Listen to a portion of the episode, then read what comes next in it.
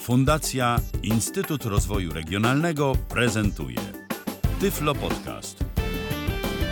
Dobry wieczór, witam serdecznie w kolejnym Tyflo Podcaście.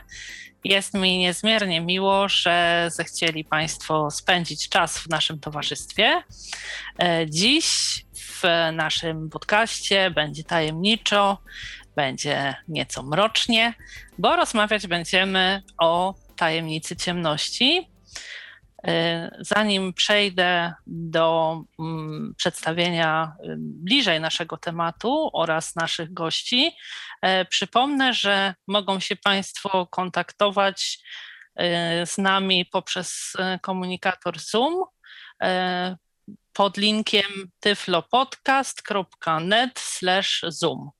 E, a moimi i Państwa gośćmi są dziś pracownicy e, Tajemnicy Ciemności. Czym ona jest, o tym za chwilę mm, opowiemy bliżej. E, witam serdecznie menadżera zespołu edukatorów Wojciecha Dulskiego. Witaj Wojtku. Witam, dzień dobry, bardzo mi miło. Bardzo się cieszę, że przyjąłeś zaproszenie do Tyflo Podcastu. Witam także Darię Knapik, która jest e, tyflopedagogiem i e, edukatorem, pracuje jako edukator w Tajemnicy Ciemności. Witaj Dario. Dobry wieczór wszystkim. Dziękuję za zaproszenie. Też bardzo się cieszę, że przyjęłaś nasze zaproszenie.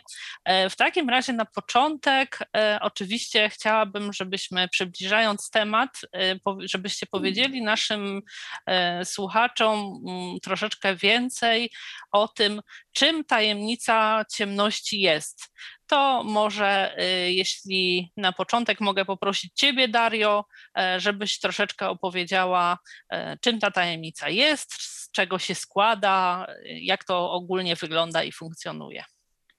E, tajemnica ciemności jest to miejsce, przestrzeń edukacyjna, może też być przestrzenią no, rozrywkową, ale przede wszystkim edukacyjną, która pozwala uczyć innych, osoby, które nie mają dysfunkcji wzroku, poruszania się, pewnych zachowań bez wykorzystania zmysłu wzroku. Czyli jest to kilka zaciemnionych przestrzeni, e, odwzorowujących zdarzenia z codziennego życia e, i po tych przestrzeniach poruszamy się, my edukatorzy oprowadzamy, e, by ludzie, nasi goście mogli doświadczyć jak my w różnych przestrzeniach życiowych e, funkcjonujemy bez zmysłu wzroku. To tak pokrótce oczywiście. Oczywiście za wiele też nie możemy zdradzać, ponieważ e, tutaj z tej całej tajemnicy ciemności e, musimy e, pilnować tego, aby uchylić jedynie rąbka. Ponieważ, tak jak wspomniałam na początku, ty Wojtku zarządzasz całym tym interesem i tutaj kierujesz zespołem edukatorów jakby mm, pil, pilnujesz też, nadzorujesz to, aby e, wszystkie e, grupy były obsługiwane mm, i przyjmowane jak należy, również e, wasi klienci indywidualni. Chciałabym tak celem wstępu, żebyś jeszcze mm, powiedział, gdzie tajemnica się mieści i może na razie o samych sposobach, jakby formach e, rezerwowania e, zwiedzania. Później jeszcze e, pod koniec przypomnimy te formy kontaktu bardziej szczegółowo. Tajemnica ciemności mieści się w siedzibie ważnego miejsca w Katowicach przy ulicy Mikołowskiej 44. I to tyle, jeżeli chodzi o adres. Znajduje się e, na piętrze w takiej starej kamienicy. Mm, to jest, tak jak wspomniała Daria, kilka pomieszczeń, no a na dole znajduje się mm, też kawiarnia społeczna. Mhm. E, w jaki sposób możemy rezerwować? Czy to e, można tak po prostu przyjść z ulicy i jakby tutaj od razu mm, wziąć udział w, w takiej e, wycieczce, czy też e, musimy się wcześniej jakoś kontaktować? Jeśli tak, to jakie są te formy kontaktu?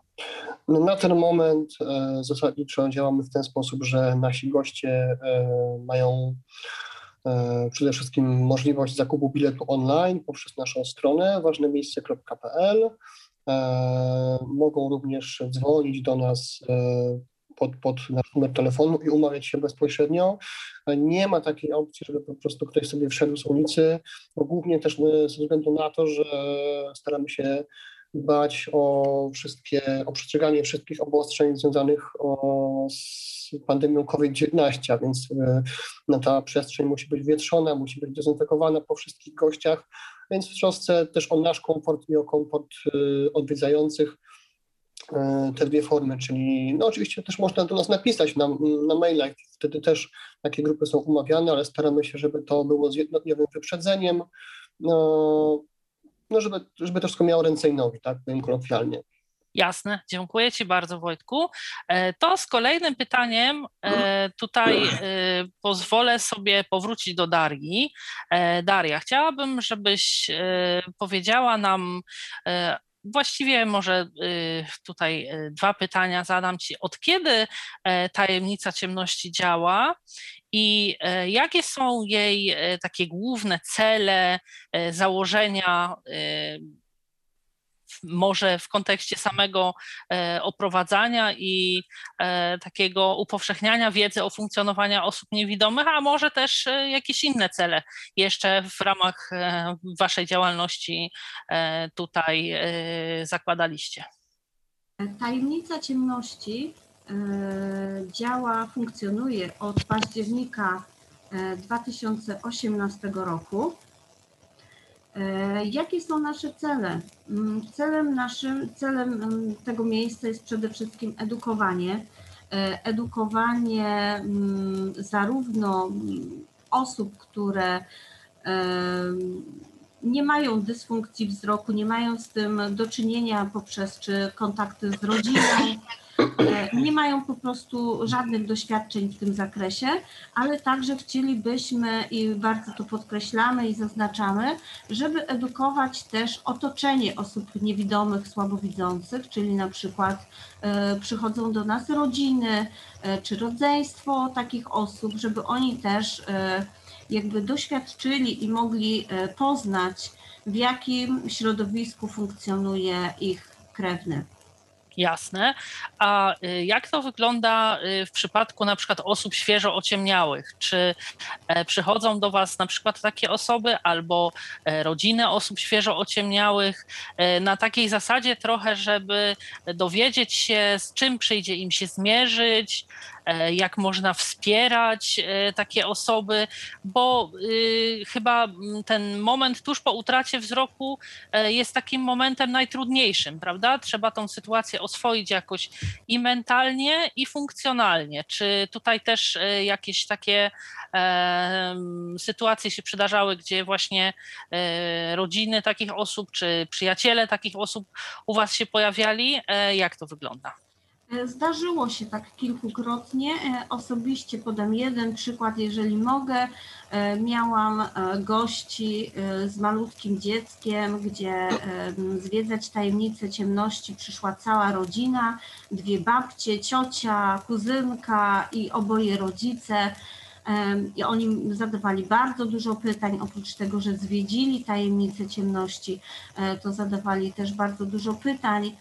E, Też było, był, była osoba z mm, kolegą, prawda, z przyjacielem, e, żeby właśnie doświadczyć i, i poznać, z czym e, mój kolega, moja koleżanka mm, mierzą się w dniu codziennym.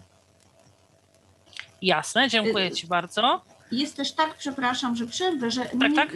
Nie, ludzie nie zawsze mówią nam o tym, czy, czy mają kogoś krewnego, Mhm. więc możemy też o tym nie wiedzieć, Jasne. e, czy ktoś e, przychodzi. Natomiast to są te przypadki, które osobiście znam, e, gdzie doświadczyłam. Oczywiście. E, dziękuję Ci bardzo. To e, powrócę teraz z pytaniem do Wojtka. E, Wojtku, jeśli pozwolisz, e, chciałabym Cię zapytać e, tak szerzej. Ogólnie do kogo jest kierowana Wasza oferta? Bo wiemy już o tym kontekście edukacyjnym, że rodziny osób niewidomych, jakieś grono przyjaciół, osoby ociemniałe i ich otoczenie. Kto jeszcze jest adresatem Waszej oferty? Znaczy tak, e, staramy się jakby nie ograniczać, a wręcz E, przeciwnie, staramy się wychodzić z naszą ofertą do jak najbardziej szerokiego grona odbiorców.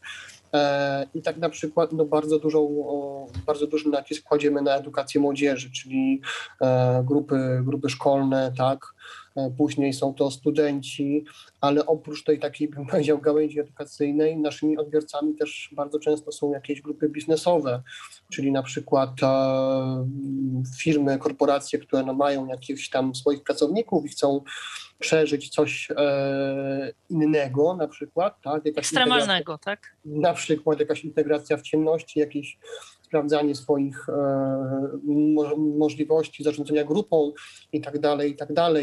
E, są to też e, zdarzyło tak się, że na przykład organizowaliśmy wieczór panieński, są to wszelkiego rodzaju jakieś właśnie spotkania grupowe, więc tak naprawdę no nie, nie ograniczamy się, tak? Staramy się, żeby ten nasz odbiorca był jak najbardziej żeby ta grupa była jak najszersza. Myślę, że też e, no, zwykli ludzie, tak, tacy, którzy sobie chodzą po ulicy, nie są nigdzie tam zrzeszeni, po prostu też staramy się być jakby dla nich atrakcyjni poprzez tworzenie różnych takich e, okolicznościowych imprez. E, wspomniałeś tutaj o studentach przez chwilę.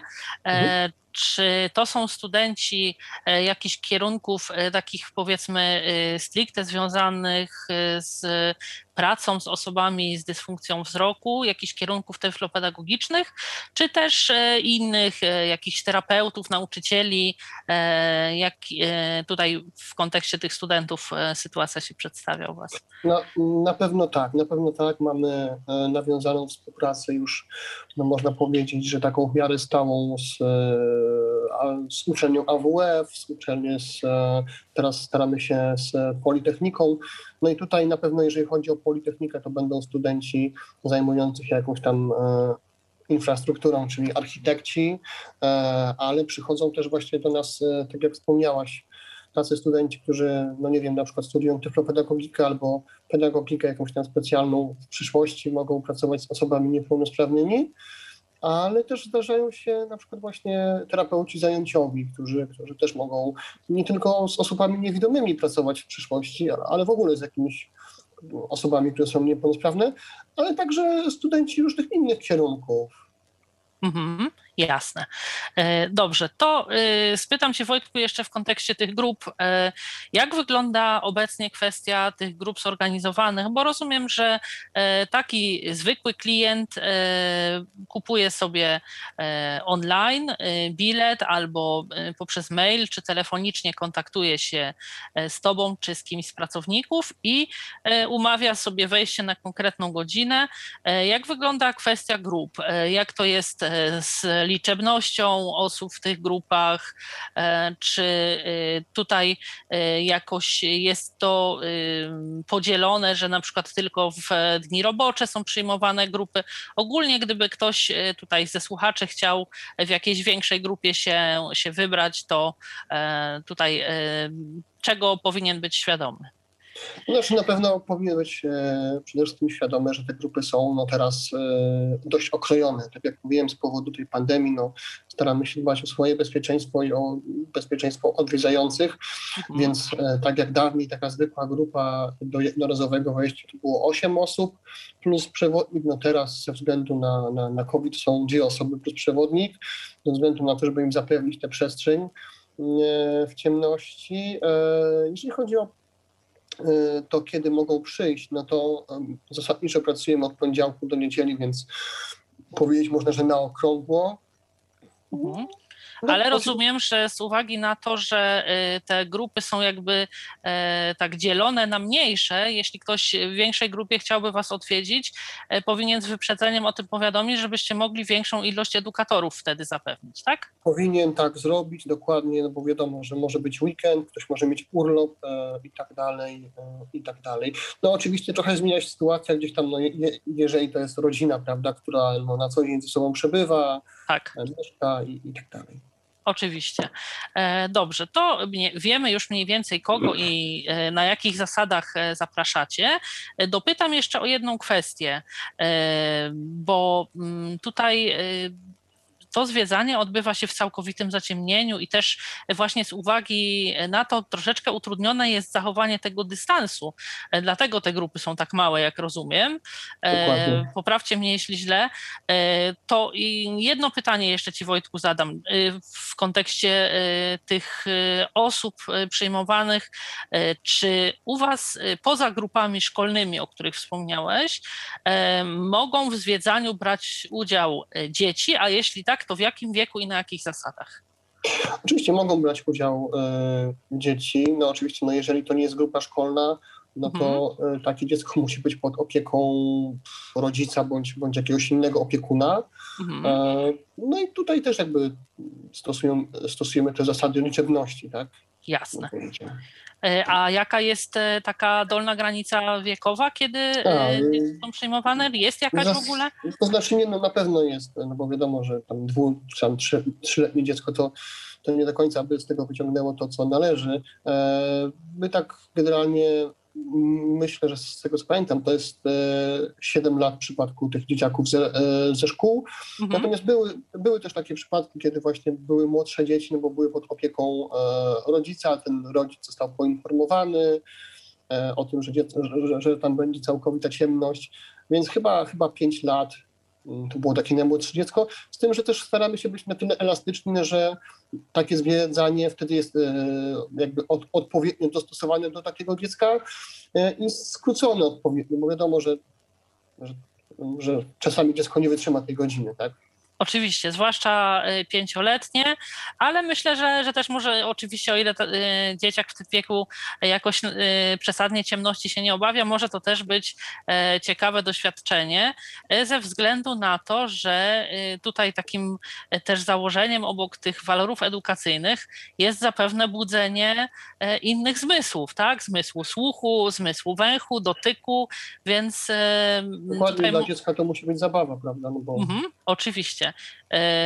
dobrze, to e, Dario, pozwolę sobie teraz e, wrócić do Ciebie z kolejnym pytaniem.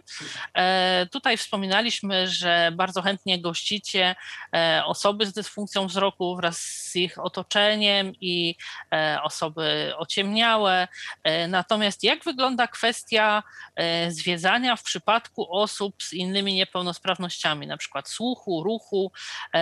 W jakim stopniu jest możliwe odwiedzanie prowadzenie tej wystawy, no bo rozumiem, że na przykład w przypadku osób z jakimś takim dużym ubytkiem słuchu, e, jeśli e, nie korzystają z aparatu, nie są osobami niedosłyszącymi, e, to utrudniona jest ze względu na ciemność ta komunikacja, tak? Bo nie ma możliwości, żeby powiedzmy w jakimś języku migowym porozumiewać się z takimi osobami, tak?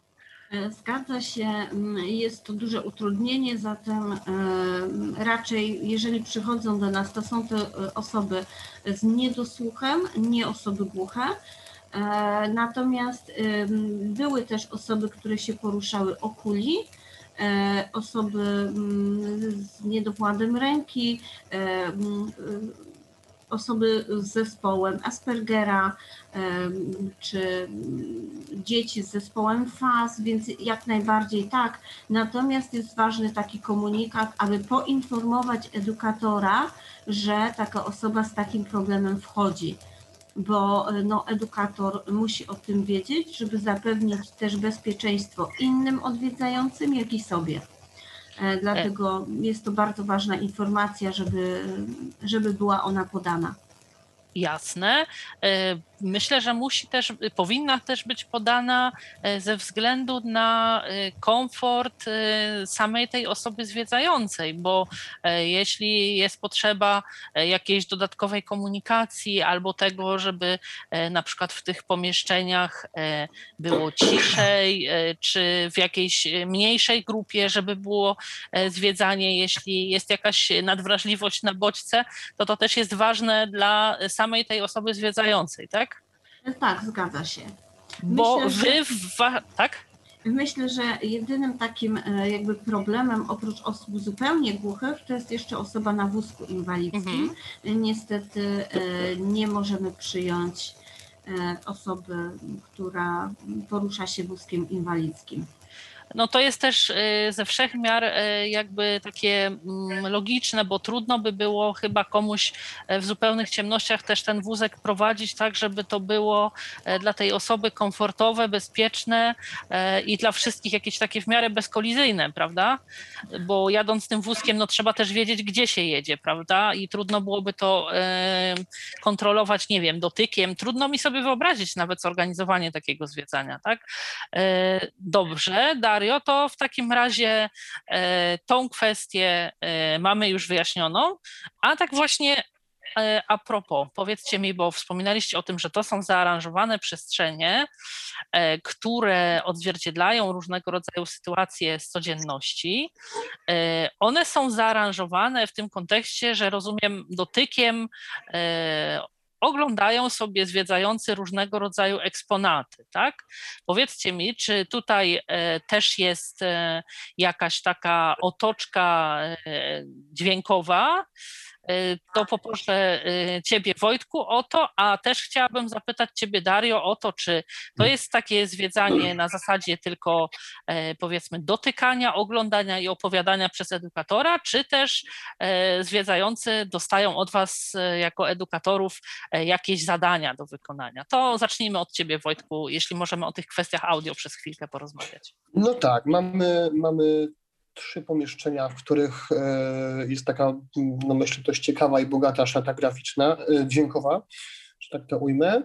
Mhm. E, no nie mogę oczywiście zdradzić, jakie są konkretne odgłosy, natomiast staramy się, żeby w tych pomieszczeniach nasi goście czuli się tak, jak my się czujemy na zewnątrz, żeby odbierali ten świat tak jak my no nie mogą wzrokiem, my też nie możemy, więc siłą rzeczy y, tutaj właśnie stawiamy na mm, mnogość tych dźwięków, żeby one były zróżnicowane, żeby ci ludzie też nauczyli się, nasi goście, y, wyłapywać, wyłuskiwać niejako z tego całego szumu, który ich otacza, te, te konkretne dźwięki. I możemy na przykład zadawać zagadki, prawda, co Państwo słyszą, a proszę nam powiedzieć, kiedy słyszymy to albo to, tak?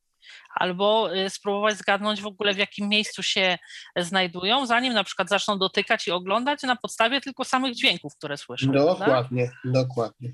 E, to też jest taka forma e, pokazania chyba tym osobom, które zwiedzają, e, pewnego takiego kontekstu, o którym rzadko się mówi w kontekście osób niewidomych, wszystkich takich zakłóceń akustycznych, które na co dzień nam towarzyszą, bywają dla nas dezorientujące, utrudniają nam czasem poruszanie się. Czy na te kwestie też zwracacie uwagę w trakcie oprowadzania E, gości? Jak najbardziej. Jest takie e, jedno miejsce, gdzie jest dość głośno e, i tu jakby chcemy uzmysłowić, że ten hałas, tak jak właśnie powiedziałaś, często zaburza osobom niewidomym poruszanie się i no, nasi goście sami przyznają, że rzeczywiście kiedy jest głośno, to o wiele trudniej właśnie jest wyłapać te konkretne, ważne dźwięki, prawda? I troszkę, troszkę się można zdezorientować. Tak, bo w tym momencie jakby wyłączone mamy już naraz dwa zmysły i ten e, zmysł wzroku przez zupełne zaciemnienie i zmysł e, słuchu, który jakoś tam e, mógłby rekompensować tą, ten brak bodźców wzrokowych poprzez właśnie te, te hałasy. Okay, to y, powrócę do tego pytania teraz, które już wcześniej e, zadałam Ci, Dario. E, jak tutaj wygląda kwestia właśnie samego tego zwiedzania? Czy to jest tylko takie oglądanie, znaczy tylko takie oglądanie? Czy skupiacie się na pokazywaniu e, różnych przedmiotów, które ludzie dotykają, właśnie też zgadują, co to może być, jakichś wskazówek odnośnie przestrzeni, czy też właśnie dajecie im jakieś zadania albo no jest to w formie formie zagadek czy testów e, pokazujecie im różne rzeczy? E, po pierwsze, wszystko to zależy od tego, e, jaką mamy grupę jaka mhm. jest grupa. E, po drugie, oczywiście, że tak. Natomiast w pierwszym pomieszczeniu najczęściej ludzie są tak bardzo zagubieni i uczą się tej ciemności. Mhm. E, dlatego e, jest to z reguły tak, że raczej jest to dotyk i są jakieś zagadki. Jeżeli grupa jest dosyć mała i widzimy, że ta grupa sobie radzi w tej ciemności, nie panikuje, to wtedy dajemy im odpowiednie zagadki, które mamy przygotowane. I jest też czas na to, by zadawać pytania dotyczące danego pomieszczenia. Czyli jeżeli jesteśmy w pomieszczeniu X, no to e, osoby te mogą zadawać pytania nam, które ich nurtują e, w związku z danym pomieszczeniem. Jeżeli nie ma pytań, to staramy się też naprowadzać i wtedy my im zadajemy pytania. E, Na przykład takie pytanie najczęściej, jakie pada, jedno z najczęstszych, tutaj dam przykład. E, Czy niewidomi w domu mają telewizor i po co? No, Mhm. no i teraz jest taka konsternacja, no dlaczego? No i wtedy nawiązuje się dyskusja. Jak jesteśmy przy telewizorze, no to od razu e, nierzadko przechodzi się na komputer, prawda? E, Mhm. Jak jesteśmy przy komputerze, no to od razu i inne urządzenia domowe. Czasem jest tak, że trzeba tą grupę naprowadzić. Bo no nie, nie, nie wszyscy są na tyle odważni, e, otwarci, by zadawać pytania. Ja myślę, że jedno, co ich onieśmiela, to ta ciemność, bo e, w zetknięciu z e, tą ciemnością taką totalną, całkowitą, e, na pewno w tych pierwszych chwilach są raz, że może troszeczkę przestraszeni, poza tym też są jakby zaabsorbowani tym faktem, że nic nie widzą, jak teraz tutaj sobie to e, oswoić, poukładać jakoś e, tak i mentalnie, i emocjonalnie, e, żeby po pierwsze coś z tego wynieść, no i też żeby jakoś troszeczkę się w tym tak uspokoić, okrzepnąć, tak? Więc w tym pierwszym pomieszczeniu rzeczywiście zgadzam się, że, że pewnie tak to jest. A nasunęło mi się też takie pytanie, słuchajcie, jak radzicie sobie z nawigowaniem? E, To znaczy w tym sensie, że e, jak opowiadacie w ogóle e, ludziom o tym, jak powinni się poruszać, e, czy też e, to może znowu to pytanie podzielę. E, Zapytam Ciebie, Daria, o takie kwestie związane z bezpieczeństwem, bo e, to jest dla e, tych osób okolicznych nowa. E, Zupełnie nowa sytuacja, z którą e, mają do czynienia najczęściej pierwszy raz w życiu. E, I czy tutaj e, jakby mm, dajecie, mm, zanim e, wejdą do tajemnicy, jakieś wskazówki odnośnie tego, jakie powinni zachowywać środki bezpieczeństwa, jak wy też dbacie o, o bezpieczeństwo tych gości, jak ich zabezpieczacie, kiedy chodzą. Gdybyś mogła, może żeby komuś z naszych słuchaczy, kto żywi obawę, czy dałby sobie radę w takim miejscu, albo czy wyszedłby cało po, po takiej wycieczce, e, może to będzie e, taką wskazówką, która jakoś tam e, pozwoli, pomoże się zdecydować. Oczywiście, że tak. Przed wejściem w ogóle do tajemnicy ciem, ciemności jest taka chwilka, gdzie uczymy, opowiadamy o tym, jak poruszać się po tej ciemności, dajemy wskazówki, co wolno, czego się nie powinno robić dla bezpieczeństwa. E, I e, tłumaczymy też osobom, też mówimy, że będziemy wspierać, będziemy pomagać, e, będziemy mówić kierunki, upominamy, napominamy, żeby osoby słuchały edukatora, dlatego prosimy też, by no, nie krzyczeć w tajemnicy ciemności, dlatego żeby słuchać tego, co mówi edukator. Mhm. Dzięki temu taka, takie zwiedzanie, taka wycieczka w ciemności przejdzie sprawnie, e, bezpiecznie e, i może też być i radośnie, bo też tłumaczymy zwłaszcza dzieciom, e, które czasem mają obawę, jak przychodzą maluszki i tak się martwią o tą ciemność, jak to tam będzie, więc ja mówię do dzieci, słuchajcie, czy ja jestem smutna. Nie, dzieci odpowiadają. Ja mówię, no widzicie, więc chyba tam źle w tej ciemności nie będzie. I one już takie wchodzą, takie troszeczkę rozluźnione, e, natomiast potem już w środku, zwłaszcza w tym pierwszym pomieszczeniu, e, oczywiście e, tłumaczę ludziom, żeby szli w jednym kierunku, a nie każdy w swoją stronę.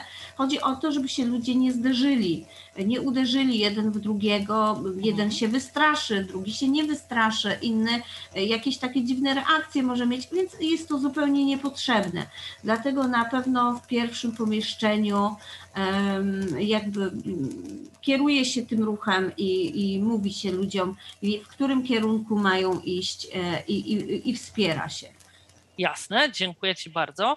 E, to teraz Ciebie, Wojtku, e, wrócę do tej połówki e, pytania w kontekście tej nawigacji. Poniekąd też Daria tutaj pod koniec swojej wypowiedzi nawiązała do tego. Jakie formy nawigowania się sprawdzają? Co ludziom mówi edukator? Czy on ich nawiguje po zegarze? Czy mówi prawo-lewo? Na jakie rzeczy musisz zwracać uwagę? Nie wiem, jakieś drzwi, progi, stopnie. Co dla nich jest istotne? czego oni się obawiają? Nie wiem, pytają cię o coś, e, czy tam będą na przykład jakieś rzeczy wiszące, albo e, czy będą, e, nie wiem, jakieś schody. Jak to w ogóle wygląda? To znaczy tak, na początku rzeczywiście staramy się wpoić ludziom te zasady, żeby się poruszali zgodnie mm, ze wskazówkami zegara. Mhm. E, najczęściej proszę o to, żeby się jednak przemieszczali w miarę możliwości właśnie przy ścianie, żeby jedna ręka gdzieś miała jako punkt podniesienia te ściany, żeby druga ręka była przed twarzą, żeby chronić. E, jeśli o to chodzi, e, czy mówimy prawo-lewo, no jeżeli dana osoba czegoś dotyka, prawda, to można ją naprowadzać, że lewo-prawo mhm. w takich bym powiedział bardziej już e, szczegółowej nawigacji, tak bym to ujął. E, oczywiście ja, e, ja i moi koledzy, koleżanki bardzo dużo mówimy, bardzo dużo opisujemy, tak, jakie to jest pomieszczenie, więc mówimy przed wejściem, że będą schody, ale że one nie są na przykład zaraz po wejściu, że tu na początek będą schody w górę, że tu może być jakiś większy próg, E, a ludzie najczęściej z moich doświadczeń rzeczywiście boją się schodów i takich nagłych mhm. spadów. Nawet właśnie nie schodów w górę, a schodów w dół, że spadną gdzieś i e, też czasami e, boją się uderzyć w głowę. No tak. To pewnie stąd y, przyszło mi na myśl e, głównie te rzeczy wiszące, tak? E, których ewentualnie mogliby się teoretycznie obawiać.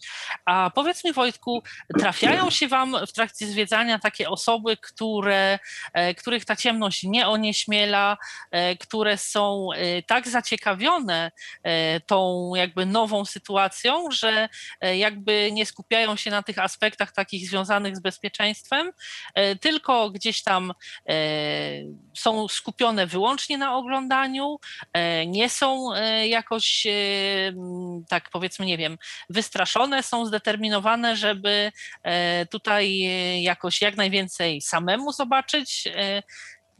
Przypuszczam, że są to nieliczne przypadki, ale zdarzają się, czy nie?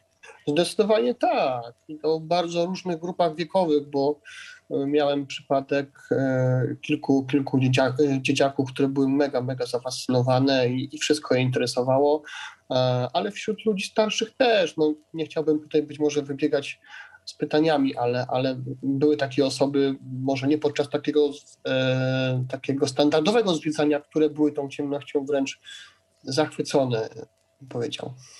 Aha, Czyli e, tutaj może się okazać e, ciemność w pewnym e, i fascynująca, i taka jakby przyjazna, kojąca troszkę, bo też przez to wyłączenie tych bodźców wzrokowych, jeśli nie ma tej natychmiastowej paniki, to też troszkę od tych, od tych ciągłych bodźców wizualnych mózg odpoczywa, tak? Dokładnie. Dokładnie tak jest. Miałem przypadek takiej pani, która właśnie e, no nie zwiedzała tak standardowo ciemności, była w innej formie i była bardzo, bardzo właśnie tak e, odstresowana, wyluzowana, e, bardzo jej się podobało, czuła taki spokój, mówiła, że ta, ta ciemność tak ją przyjemnie otula. Więc tak, jak najbardziej tak. Okej, okay, to jeszcze jedno pytanie Wam zadam, bo e, dzisiaj ludzie e, zwykle mają przy sobie bardzo dużo, e, to znaczy nie bardzo dużo, ale bardzo często mają przy sobie jakieś świecące gadżety, tak? Począwszy od telefonów, przez jakieś takie świecące sznurki wplatane w warkoczyki, świecące kolczyki, sznurowadła w butach i wszelkiego rodzaju zegarki, bransoletki i tak dalej, i tak dalej. Co z tym wszystkim się dzieje? Bo rozumiem, że do Was do ciemności tego e, wnieść nie można, tak? Bo byłoby to źródłem światła, które e, sprawiałoby, że tajemnica ciemności przestaje być tajemnicą ciemności. Dokładnie. Dokładnie. No, e, te rzeczy muszą zostać absolutnie, że tak powiem, zdeponowane przed wejściem. Mamy specjalne szafki zamykane na klucz, zdejmuje się również okulary. One co prawda nie świecą, ale są bardzo często źródłem no, niejakiego zagrożenia, bo takie okulary mogą spaść, mogą się potłuc, to raz, a poza tym można sobie po prostu krzywdę nimi zrobić, tak, jak gdzieś się wejdzie. Także tak to wygląda. Jasne. To y, zacząłeś tu, Wojtku, mówić o swoich y, takich y, doświadczeniach z panią, która, y, na którą ciemność wpływała kojąco. E, chciałabym zapytać teraz o Wasze doświadczenia. E, pracujecie już od dwóch lat i chciałabym zapytać e, teraz każde z Was, żeby mi odpowiedziało na to pytanie. E, zacznę od Darii. Chciałabym, Daria, żebyś mi powiedziała na przestrzeni tych dwóch lat, co było taką rzeczą, która dla Ciebie okazała się najbardziej zaskakująca, wzruszająca i zabawna?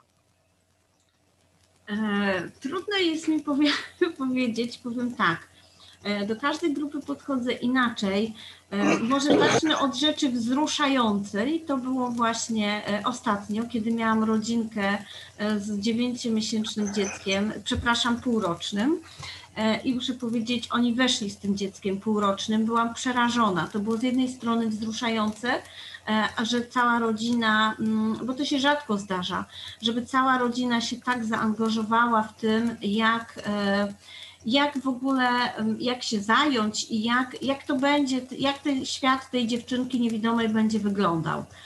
E, więc to było takie wzruszające. Natomiast e, ja, dla mnie, ja byłam przerażona, bo są takie miejsca w tajemnicy ciemności, gdzie pan, który niósł tą swoją córeczkę e, z wielką miłością, z wielkim oddaniem, i jednak potrzebne są czasem te dwie ręce, mm, żeby się asekurować. A on jakby no, już był ograniczony, bo miał swoje dziecko na rękach i on był ograniczony, więc umówiliśmy się tak, że jeżeli będzie czuł jakiś taki dyskomfort, to on mi zgłosi i ja wezmę, przejmę to dziecko. Nic się takiego nie stało, na całe szczęście. Natomiast miałam też taką sytuację, kiedy weszli rodzice z pięcioletnią dziewczynką e, i ona początkowo bardzo się tak wystraszyła. Tata wziął ją na ręce, I mm, ja mówię e, w takim razie, Marcysiu, mówię, e, czy ja mam dla ciebie taką niespodziankę, bo oczywiście, jeśli ktoś się boi i chce wyjść, to mamy obowiązek wyprowadzić taką osobę. Jasne. Ale ja zawsze wychodzę z założenia, że najpierw spróbuj, a to wyjście jest w ostateczności. I jak dziewczynka była u taty na rękach, zauważyłam, że ona sobie tak radzi. Nie? Ona się po prostu wystraszyła. Na razie taki pierwszy odruch, ale zobaczymy, co będzie dalej. I ja do niej podeszłam i mówię, słuchaj, mam tu dla ciebie takiego przyjaciela. Czy możemy się umówić, że jeżeli ten przyjaciel nie pomoże ci przejść przez drugie pomieszczenie, to wtedy ja cię wyprowadzę. A jeżeli ci pomoże, no to pójdziemy dalej. No i ona wzięła, w ogóle było fajnie, ponieważ ona zaczęła odgadywać, co to jest. To była maskotka, to był pluszak. E, ja mówię, tu się możesz przytulić do tego, możesz sobie potrzymać. Wymyśliła imię dla tego pluszaka. No i rzeczywiście się stało tak, jak podejrzewałam, że ona po prostu już w drugim pomieszczeniu puściła tatę i tata był bardziej przerażony niż dziecko, bo dziecko wręcz biegało po ciemności. E, natomiast też takim dużym doświadczeniem dla mnie była wizyta policjantów. Mieliśmy e, dosyć sporą grupę policjantów, którzy uczyli się właśnie funkcjonowania osób z dysfunkcją wzroku i fajne były też ich pytania, e, jak się zachowywać, czy podczas przesłuchania. No bardzo, bardzo ciekawe, ale też i bardzo dowcipna to była wizyta. E, bardzo dobrze to wspominam, bardzo taka fajna grupa, gdzie i pożartowaliśmy, nawet z policji troszkę. No ja tutaj nie mogę szczegółów opowiadać, bo też bym zdradziła, co jest w tajemnicy ciemności. Jasne. Bo to wszystko tyczyło się tego, co tam jest w środku. Natomiast no zadania, jak panowie robili e, w pewnym miejscu. No więc to była taka fajna, bardzo fajnie się wtedy bawiłam. E, też bardzo fajnie się bawiłam, jeżeli mogę powiedzieć. Mieliśmy takie spotkanie integracyjne. To była grupa e, architektów właśnie z jakiejś tam znaczy firmy architektonicznej. No i na przykład robiliśmy kalambury słowne. Mhm. E, no, bardzo fajnie, żeśmy się wtedy wybawili też. Aha, no to, to świetnie. To w takim razie e, same pozytywne wrażenia. A y, chciałam Ciebie zapytać o Twoje wrażenia, kiedy przyszłaś e, do pracy, zanim e, rozpoczęłaś swoją pracę jako edukator. E, rozumiem, że e, mieliście jakieś szkolenia związane z tym, jak oprowadzać gości, jak robić to bezpiecznie. Sami zapoznawaliście się z tymi przestrzeniami. Czy dla Ciebie w jakiś sposób e, było to mm, trudne? O, może w tym kontekście spytam Cię, e, czy było coś takiego, co stanowiło dla Ciebie wyzwania?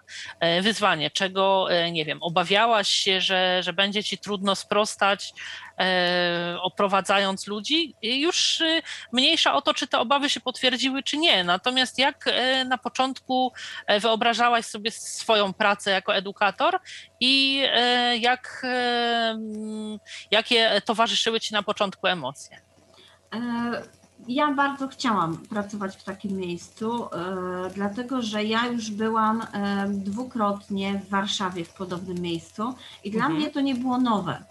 E, Dlatego mi bardzo mi się podobała tamta praca, którą oni wykonywali, przewodnicy właśnie w Warszawie, więc dla mnie to nie było nowe. Oczywiście mieliśmy szkolenie i e, ja nie miałam jakichś problemów z poruszaniem się po ciemności, bo e, no, ja mam po prostu dobrą orientację. Wystarczyło mi dwa razy przejść i e, no, ja nie miałam problemów akurat, więc tutaj e, bardzo świadomie e, podeszłam e, do tej pracy.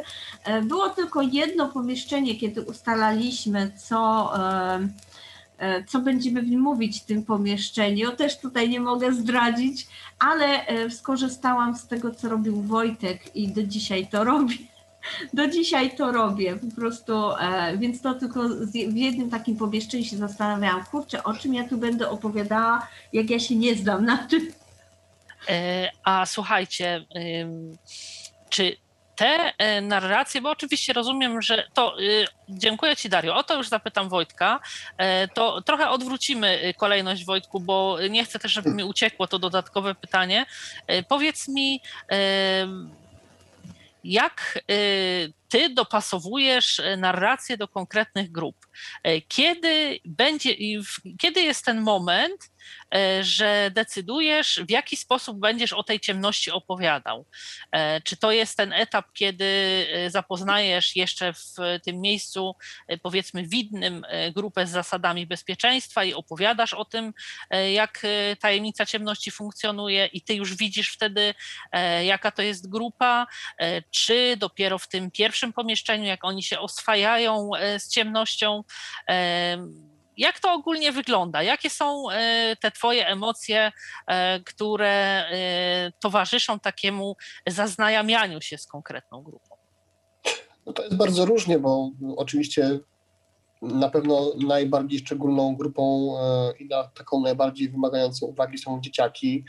Ta, ta, ta, ta taka najbardziej e, niesforna młodzież, bym powiedział, ale i też taka najbardziej e, chłonna wiedzy i taka najbardziej, e, no właściwie mm, ciekawa tak, tego wszystkiego, więc z nimi na pewno już wiedząc, e, że to będą dzieci, już mam w głowie jakiś schemat, tak? Ale Tak. czasami jest tak, że dana grupa czy, czy dani goście zupełnie inaczej zachowują się na zewnątrz, są może bardziej wycofani, albo wręcz przeciwnie, są, wy, wydają się tacy bardzo e, otwarci, a w ciemności okazuje się zupełnie inaczej. Bywało też tak, że mm, dostawałem grupę, która na przykład e, bez problemu porozumiewała się na przykład ze mną po, po śląsku, jako że nie mam problemów z, z tą gwarą, no to w środku przechodziliśmy e, na ten nasz, że tak powiem, e, śląski język i, i trochę inaczej wyglądało to zwiedzanie, prawda? Więc no to jest różnie. Ale nie ma takiego momentu, to znaczy nie ma, nie ma tak, że, że ja zakładam, że w tym pomieszczeniu, w pomieszczeniu A jest tak, a dopiero w pomieszczeniu B mogę przejść, bo, bo czasami w tej ciemności, tak jak mówię, albo człowiek się wyluzowuje, albo ten dystans się skraca, albo się wręcz przeciwnie, czasami też tak się zdarza, prawda, że ktoś się taki troszkę robi bardziej wycofany, nie? Tak. E, dobrze, to teraz Ciebie zapytam, Wojtku, o te Twoje doświadczenia osobiste na przestrzeni tych dwóch lat. E, chciałabym wiedzieć, e, jakie były takie zdarzenia, które właśnie jakoś Cię wzruszyły, rozbawiły i też, tak jak Darię, chciałabym Cię zapytać o to Twoje początkowe nastawienie, co w trakcie przygotowania do tej pracy wydawało Ci się największym wyzwaniem to może tak od końca. No, to znaczy na, na pewno y, wyzwaniem były właśnie dla mnie dzieci, bo nie ukrywam, że zapanować nad y, taką y, ośmioosobową grupą, jak to się zdarzało, no nie jest łatwo. Nie jest łatwo i tutaj pamiętam, jak zawsze podkreślaliśmy, że musimy gdzieś tam rozgraniczyć, tak, zabawę od takiego, bym powiedział, mm, brojenia. Tak, właśnie, e, to jest raz. I no, z jednej strony musimy być, e, że tak powiem, mili i przyjemni, no ale musimy też potrafić zapanować, czyli wprowadzić tak, troszkę tego rygoru, prawda, tego, tego porządku. Um, obawiałem się takich sytuacji na pewno, że przyjdzie ktoś, kto w tej ciemności może zachowywać się jakoś no, dziwnie, jakoś tak e, niestandardowo. E, no nie wiem, ktoś na przykład pod wpływem jakichś używek albo mhm. coś takiego. Obawiałem na przykład się, że ktoś, nie wiem, na przykład zemdleje i tak dalej, i tak dalej. E, no, na szczęście to były obawy płonne. Natomiast y, przechodząc do tego drugiego pytania, na pewno wzruszają mnie zawsze y, dzieciaki. Miałem taką sytuację, kiedy taka mała dziewczynka e, gdzieś właśnie na początku była taka strasznie wycofana, ona była tylko jeszcze mała, drobna, takie kucharko e, i tak trzymałem ją za rękę po prostu, bo się mnie chwyciła. No i potem e, stopniowo, stopniowo gdzieś ta dziewczynka zaczynała się bardzo, bardzo otwierać i już w tych bodajże dwóch ostatnich pomieszczeniach ona była zupełnie innym dzieckiem. I to było takie fajne, że mogłem pomóc jej e, przejść od tego, od tego stanu no, takiego troszkę nawet lękowego do, do takiego właśnie stanu e, zabawy, radości. E, co Pełnej akceptacji, tak? Tak, dokładnie. Takich raczej zaskoczeń, znaczy zawsze zaskakuje mnie to, są, są takie osoby, które są takie mega, e, kolokwialnie rzecz ujmując, ogarnięte. Czyli, że ja im nie muszę tak naprawdę zbyt wiele tłumaczyć, one, one tak naprawdę zachowują się e, jakby widziały, tak? Że ta ciemność nie jest dla nich problemem i to mnie, i to mnie zawsze gdzieś tam zaskakuje. Rozumiem. I rozumiem, że też te osoby najbardziej lubisz e, oprowadzać, bo tylko przedstawiasz się im, zaznajamiasz je e, z zasadami bezpieczeństwa, tak? I idziecie sobie na spacer, za wiele roboty nie masz, tak? A to właśnie nie jest tak. E, to właśnie nie jest tak, bo tak One też są tak... pewnie bardziej wymagające, tak? Bo wtedy zadają więcej pytań, nie są zestresowane jakoś. Z jednej strony tak, ale z drugiej strony o wiele więcej pracy trzeba włożyć i chyba też może satysfakcja jest większa, kiedy pomagamy komuś takiemu właśnie, kto się boi mhm. e, wejść do ciemności. My mówimy, chodź, spróbuj, e, będzie dobrze i w momencie, kiedy się udaje, no to my mamy taką satysfakcję, że no zobacz, dałeś radę, tak? Ty dałeś radę i ja dałem radę. I to jest, myślę, duża satysfakcja. No oczywiście, że e, też fajnie jest, kiedy, kiedy ludzie zadają o, wiele pytań. Tak, tak.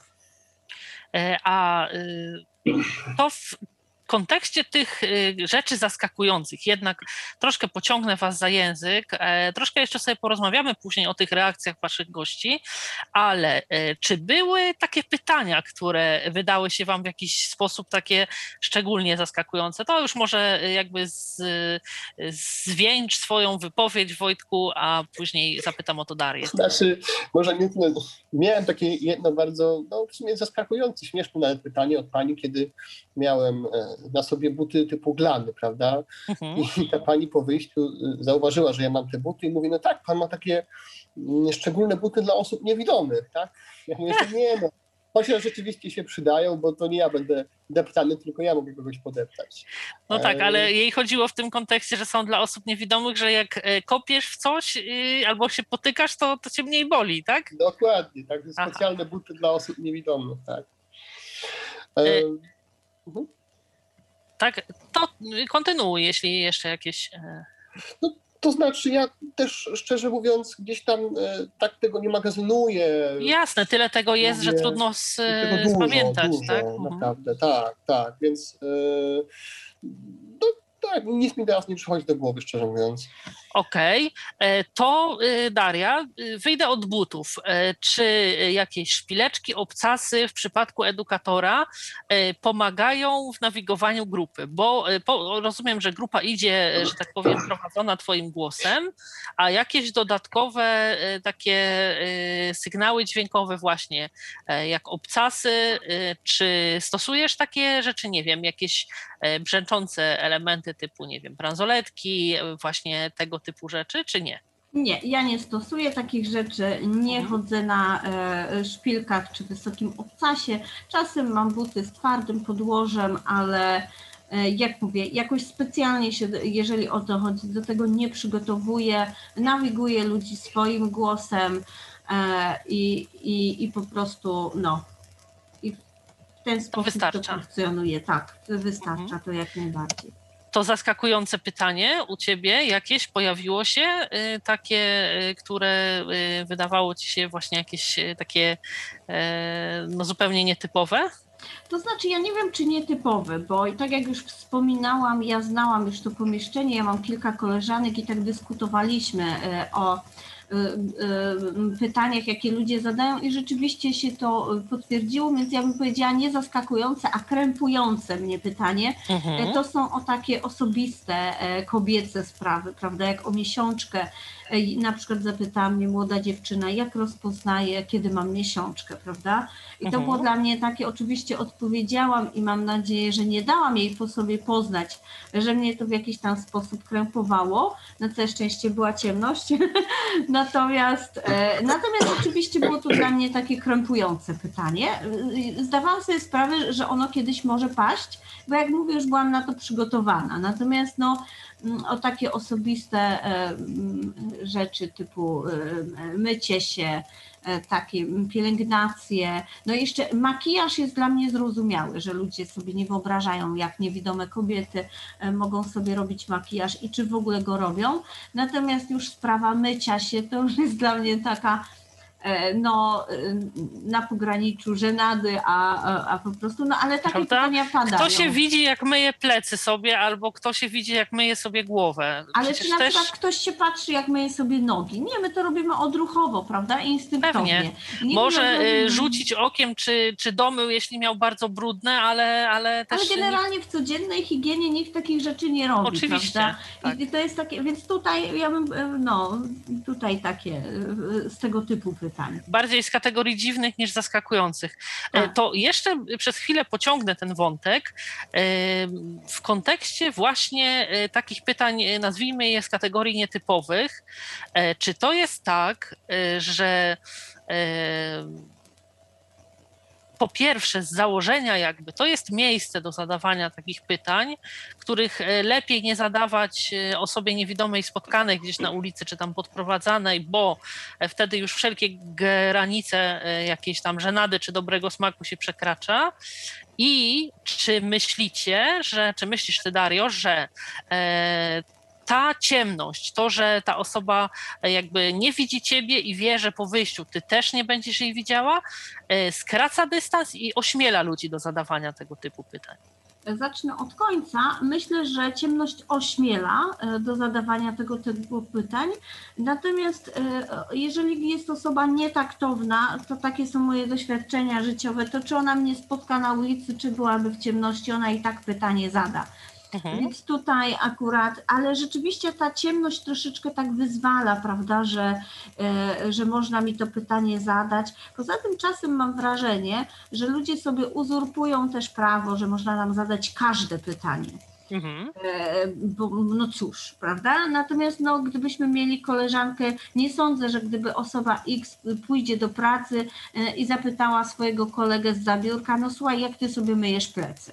No, czegoś takiego, coś takiego by nie nastąpiło, a jakby w przypadku osób niepełnosprawnych, czasem osoby, e, nazwę je w cudzysłowie, zdrowe, one sobie uzurpują czasem do zadawania takich pytań, e, no, dziwnych, Na- nazwałabym to dziwnych. E, czyli e, pytania e, właśnie na zasadzie takiej funkcjonowania w codzienności i tak dalej, tak, ale też generalnie jednak mimo, że, że jest to miejsce z takim głęboko wpisanym kontekstem edukacyjnym, to też jednak gdzieś tam pewne granice trzeba, trzeba mieć i to też nie jest tak, że ponieważ jesteśmy w takim miejscu, gdzie mamy sposobność porozmawiania z niewidomym edukatorem, każde pytanie pytanie e, należy mu zadać, e, znaczy można mu zadać. To, bo to też chodzi o to, że z jednej strony oczywiście jakby mo, możemy poniekąd zakładać, że można, tylko też wydaje mi się, że kulturalny człowiek w takiej sytuacji zastanawia się, czy na pewno wypada, bo to, że może to jest jedno, a to, czy wypada takie pytanie zadać, to, to jest druga kwestia i to no ona no, powinna być decydująca. Tak, no właśnie, no właśnie o to tutaj chodzi, nie? Że, że jakby no, ja też myślę, jeśli mogę, Oczywiście. że dużo zależy od, od, od formy i od, od sposobu, bo e, w jaki to dane pytanie zostanie zadane, prawda? No bo mhm. na przykład często zdarzają się jakieś głupie żarty, prawda? Takie, no takie, które po prostu właśnie czy w ciemności, czy poza ciemnością są po prostu słabe. Natomiast to pewnie też zależy, bo tutaj mówimy o odczuciach y, subiektywnych, tak? Więc tak. to na pewno też zależy od każdego edukatora, bo, bo, bo ja na przykład nie mam z tym problemu. Y, ja wręcz zachęcam swoich gości w taki oczywiście zdrowy sposób, żeby nie bali się pytać, bo tak jak e, tutaj Daria powiedziała, oczywiście mm, na ulicy, no to wiadomo, że no każdy ma swoje życie i ja nie będę stał i odpowiadał, prawda, na, na szereg pytań. Życie e, osoby niewidomej jako niekończąca się e, misja edukacyjna, tak? Dokładnie.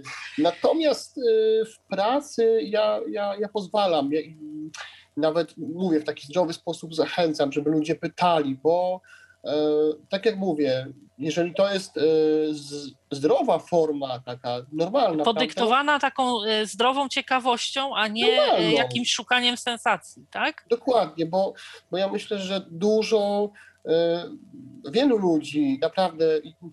To z jednej strony jest smutne, no ale z drugiej strony tak jest i nie ma się co o, o, obrażać. Wiele, wielu ludzi uważa osoby niewidome w ogóle za no, Mało zaradne życiowo. Mało tak? zaradne, mają bardzo niską świadomość, tak?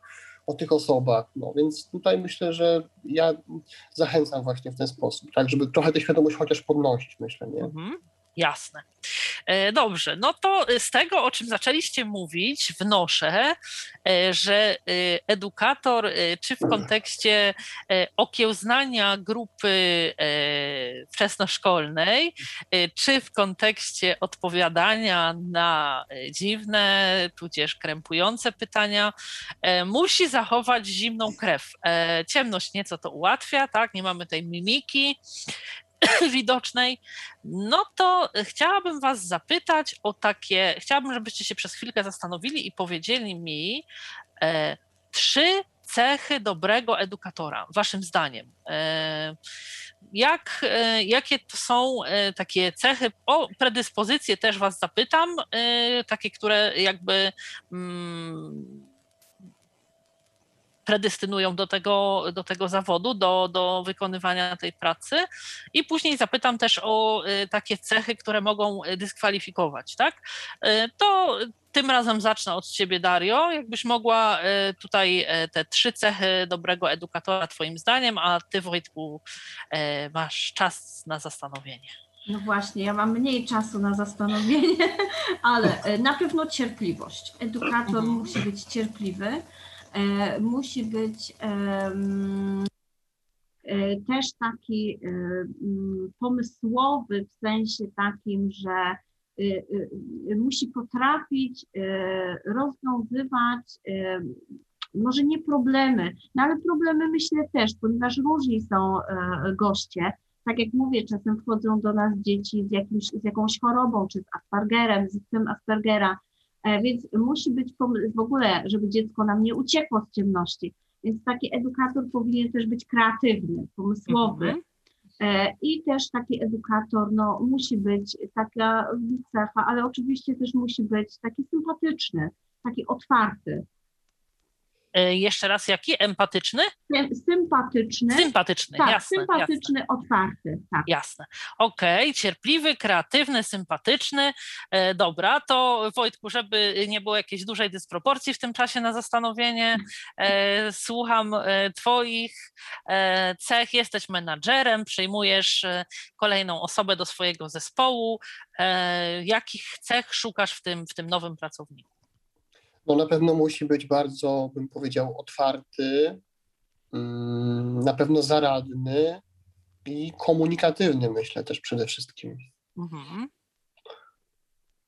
I teraz mam to e, jakoś rozwinąć? E, to znaczy, ja bym rozwinęła tą otwartość. E, czy pojmujesz ją jako e, taki właśnie odporność na nietypowe pytania, nietypowe sytuacje, czy otwartość w kontekście takiej elastyczności, że cokolwiek go zaskoczy, no to jakby nie polegnie i, i, i wiesz, i da sobie radę w tej sytuacji? To bardziej w, właśnie w kontekście takiej zaradności właśnie, że musi się odnaleźć w każdym zadaniu, y, w każdej sytuacji, czasami musi też coś na przykład w tej ciemności naprawić, bo wiadomo, no, sytuacje są różne. Na pewno to musi być taka zdrowa otwartość, taka y, chęć poznania drugiego człowieka, y, umiejętność taka właśnie słuchania go, taka, taki zdrowy, pojęty, zdrowo pojęty ekstrawertyzm, tak bym to ujął. No a komunikatywność, no wiadomo, no my musimy jasno, klarownie, że tak powiem, artykułować te swoje mm, przemyślenia. Tak, bo tu jest komunikacja zdecydowanie werbalna, innej nie ma. No tak. Mhm. Tak, to ja jeszcze y, do tego dodałabym chyba taką osobę, która jest uważna, w takim sensie, że jakby jest przez cały czas świadoma chyba tego, co e, dookoła niej się dzieje.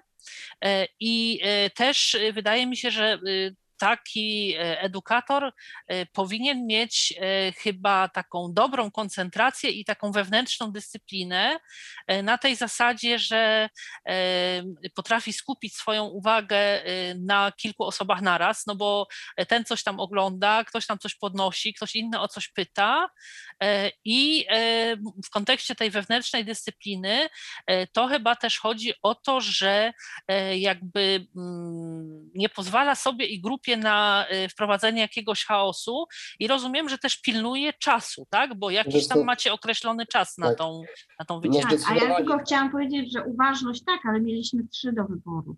No jasne, jasne, jasne, jasne. Ja mówię w kontekście dodaję no, tylko no, no. z tego, co jak się zastanawiałam nie, ja, ja nad żartuję, tym, przygotowując pytania dla Was. Mhm. Wbrew pozorom e, ta praca nie jest łatwą pracą, nie każdy może ją wykonywać, e, więc nie, nie, nie ubiegając pytań, ale tak, ale to, co mówisz, jest bardzo ważne, bo tak jak wspomniałaś, mamy różne osoby w grupie. Jedna jest y, spokojna, druga hałasuje, trzecia y, no, jakiś ferment sieje. I taki Czwarta edukator... na przykład chce wyjść, opuścić, Dokładnie. trzeba ją wyprowadzić. Płacze Dobre... w kąciku już, tak? Nie no. możesz się doczekać, żeby ją wyprowadzić. Dokładnie. Dobry edukator musi to wszystko poskładać w całość, i też musi balansować. E, mm, no nie może pozwolić na taką totalną swawolę, prawda? E, mhm. Ale też no nie może tej śruby tak dokręcać, no, no nie może być jak z gestapo, prawda? No bo to tak. nie na tym polega. Jasne, oczywiście, że tak. Y, I myślę, że też w takim y, kontekście empatycznym musi być takim trochę psychologiem, zgodzicie się ze mną, bo y, przecież w tak. jednej grupie, mając różne osoby, e, jedną osobę, którą chce ośmielić, e, może troszeczkę emocjonalnie e, podkręcać, żeby ją zainteresować e, tym, co ogląda, swoją narracją, ale też musi umieć się jakby odwrócić e, do drugiej osoby, która e, jest taka pobudzona, spanikowana i jakby jednocześnie funkcjonować na dwóch werbalnych poziomach, jedną osobę właśnie jakby tam ośmielając i zaciekawiając, a drugą wyciszając, prowadząc taką wolną narrację, jakoś tak pozwolić jej się w tej ciemności zanurzyć, oswoić, tak to wygląda? No tak, i tutaj myślę, że Daria może coś o tym powiedzieć w kontekście, w kontekście dzieci, bo mhm. to jest dla mnie zawsze najtrudniejsze. Mhm. E, bo te dzieci, Dario, są e, takie z taką reakcją otwartą, tak? E, człowiek dorosły się tak do końca ze swoim strachem, ze swoim jakimś zagubieniem nie odsłania, bo jest nawykły poniekąd troszkę do tłumienia tych emocji. Natomiast dzieci chyba są takie o wiele bardziej ekspresyjne i, i rzeczywiście, tak jak Wojtek mówi, tutaj z tą wielością reakcji chyba trudniej sobie poradzić, prawda? Dzieci są w ogóle bardzo spontaniczne. One tak, w jednym pomieszczeniu się boją, jak przed wejściem, to, to taki strach, jak to będzie, taka niewiadoma. Potem jak już wchodzą, to potem jest coraz, coraz, coraz bardziej i są coraz śmielsze. E, dzieci też są bardzo bezpośrednie. One mm, nie analizują, e, one mówią wprost, podoba mhm. mi się, nie podoba mi się. Chcę, nudzi mi się. Tak, nudzi mi się, chcę, nie chcę. Dzieci są bezpośrednie i tutaj ja uwielbiam z dziećmi pracować. E, bardzo, bardzo lubię, kiedy te dzieciaki przychodzą, e, bo to jest takie fajne doświadczenie i no, ja w ogóle lubię dzieci, więc e, jakby no, trzeba też, miałam taki przypadek z dziećmi, kiedy mówiłam do dziewczynki, zadawałam pytania i nie zostałam poinformowana o tym, że dziewczynka jest słabo słysząca. Aha. E, ja o tym nie zostałam po, poinformowana i w trzecim pomieszczeniu właśnie się pytam i jedna z dziewczynek mówi, e, proszę Panią, bo ona nie słyszy Pani, ona ma aparat słuchowy, ona źle słyszy. Trzeba do niej mówić głośniej. I to było bardzo fajne, bo te dzieci same doświadczy, e, jakby mm, zorientowały się, że ja tego nie wiem, mhm. I, I trzeba mnie o tym poinformować, że tak jest, ich koleżanka ma taką trudność. I to było, no potem ja już wiedziałam o co chodzi, więc dogadałyśmy się i, i bo, ja bardzo lubię tę pracę z dziećmi, a jak mówię, dzieci są bardzo otwarte, e, dzieci są też szczere. Dzieci, jak mówię, są szczere, one powiedzą, podoba mi się, fajnie, że tu byłem, nie fajnie, że tu byłem. Już nigdy więcej nie przyjdę. Tak. Tak. No. Dobra, to y, kwestie y, jakby te, tej pozytywnej odsłony y, w kontekście tego, co, co jest y, jakąś, co, jakie są predyspozycje do, do tej pracy mamy za sobą, e, to teraz e, też e, to zacznę od ciebie, Wojtku z Tobą porozmawiam o tym y, też poniekąd y, w kontekście Twojego zarządzania tym zespołem, y, co dyskwalifikuje pracownika, a z Tobą, Dario, porozmawiam troszkę o pracy w Waszym zespole edukatorów, ok? Jak tam wzajemnie się dogadujecie, co wymaga ustaleń, jakie rzeczy ustalacie, w jakich jest dowolność i tak dalej, i tak dalej. To zacznę, Wojtku, od Ciebie. No to znowu rekrutujesz tych pracowników do swojego zespołu i e, poznajesz ich poprzez różne testy, chodzicie sobie tam w tej ciemności. Co zwraca Twoją uwagę w tym kontekście negatywnym, co decyduje o tym, że takiej osoby jako edukatora na pewno byś nie zatrudnił?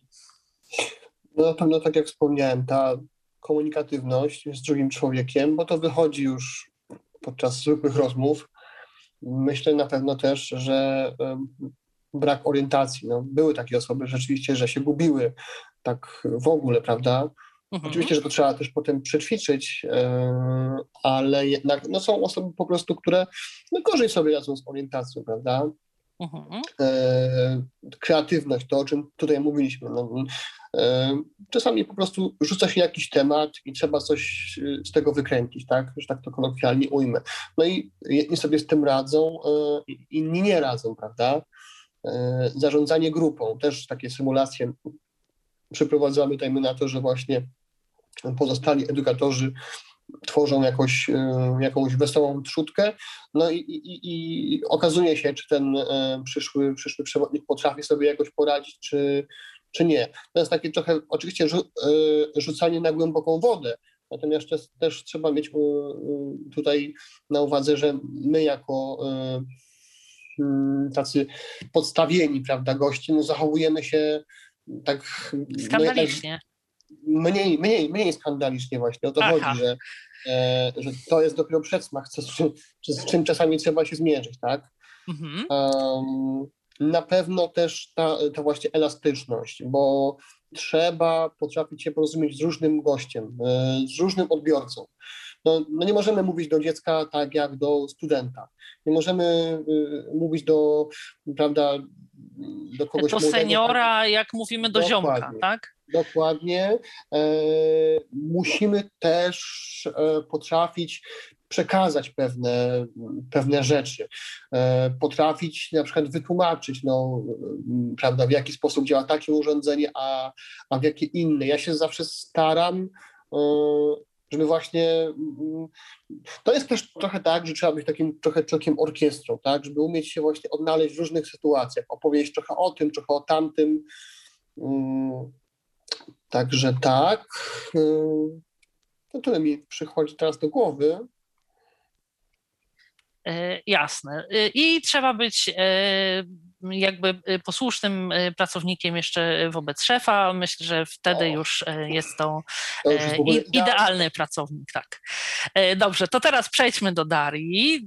Dario, ciebie chciałam zapytać o tą pracę w zespole, bo jak są różni odwiedzający was goście, no tak wy też jako edukatorzy jesteście różnymi osobami, tak? Ktoś jest bardziej impulsywny, ktoś jest taką osobą, która e, bardziej stawia e, na jakąś tam dyscyplinę i ład niż na kreatywność i tak dalej, i tak dalej. E, Jak to wygląda? Czy e, wy jako zespół jakoś sobie co jakiś czas omawiacie tą swoją e, pracę, e, robicie burzę mózgów odnośnie tes, tych zadań, które proponujecie waszym gościom, tego co warto byłoby zmienić, jak tutaj ta współpraca e, układa się, no i co musicie uzgadniać, bo e, na przykład jeśli jest tak, że idzie kilka grup, powiedzmy jedna za drugą, to tutaj e, trzeba się, e, trzeba pilnować sobie tego czasu, tak? Jakoś to uzgadniacie, czy są takie sytuacje na przykład, że dajecie sobie jakieś tajemne sygnały, że z jakimś gościem czy z jakąś grupą coś może być nie tak. Jak to wygląda? Tak troszkę od kuchni, tak wiesz, zdrać takie arkana tej, tej pracy wasze, wasze jako edukatorów. Po pierwsze, rzeczywiście ustalamy e, przedział czasowy. To jest z góry ustalony ten przedział czasowy. Bo, Bo rozumiem, przepraszam, że ci wchodzę w słowo, że on jest dopasowany e, do grup, tak? Bo inaczej idzie grupa dorosła, inaczej młodsze dzieci, inaczej starsze dzieci i tak dalej. To znaczy tak, z reguły jest to godzina, godzina 15, bo jest 15 minut w tej części widzialnej. Mhm. Natomiast jeżeli są takie małe dzieci, rzeczywiście takie maluszki, które miały, mieliśmy, no to skracaliśmy to do 45-50 minut. Mhm. Ja E, e, Więc to, tak, więc to musi być ustalone, żeby była płynność.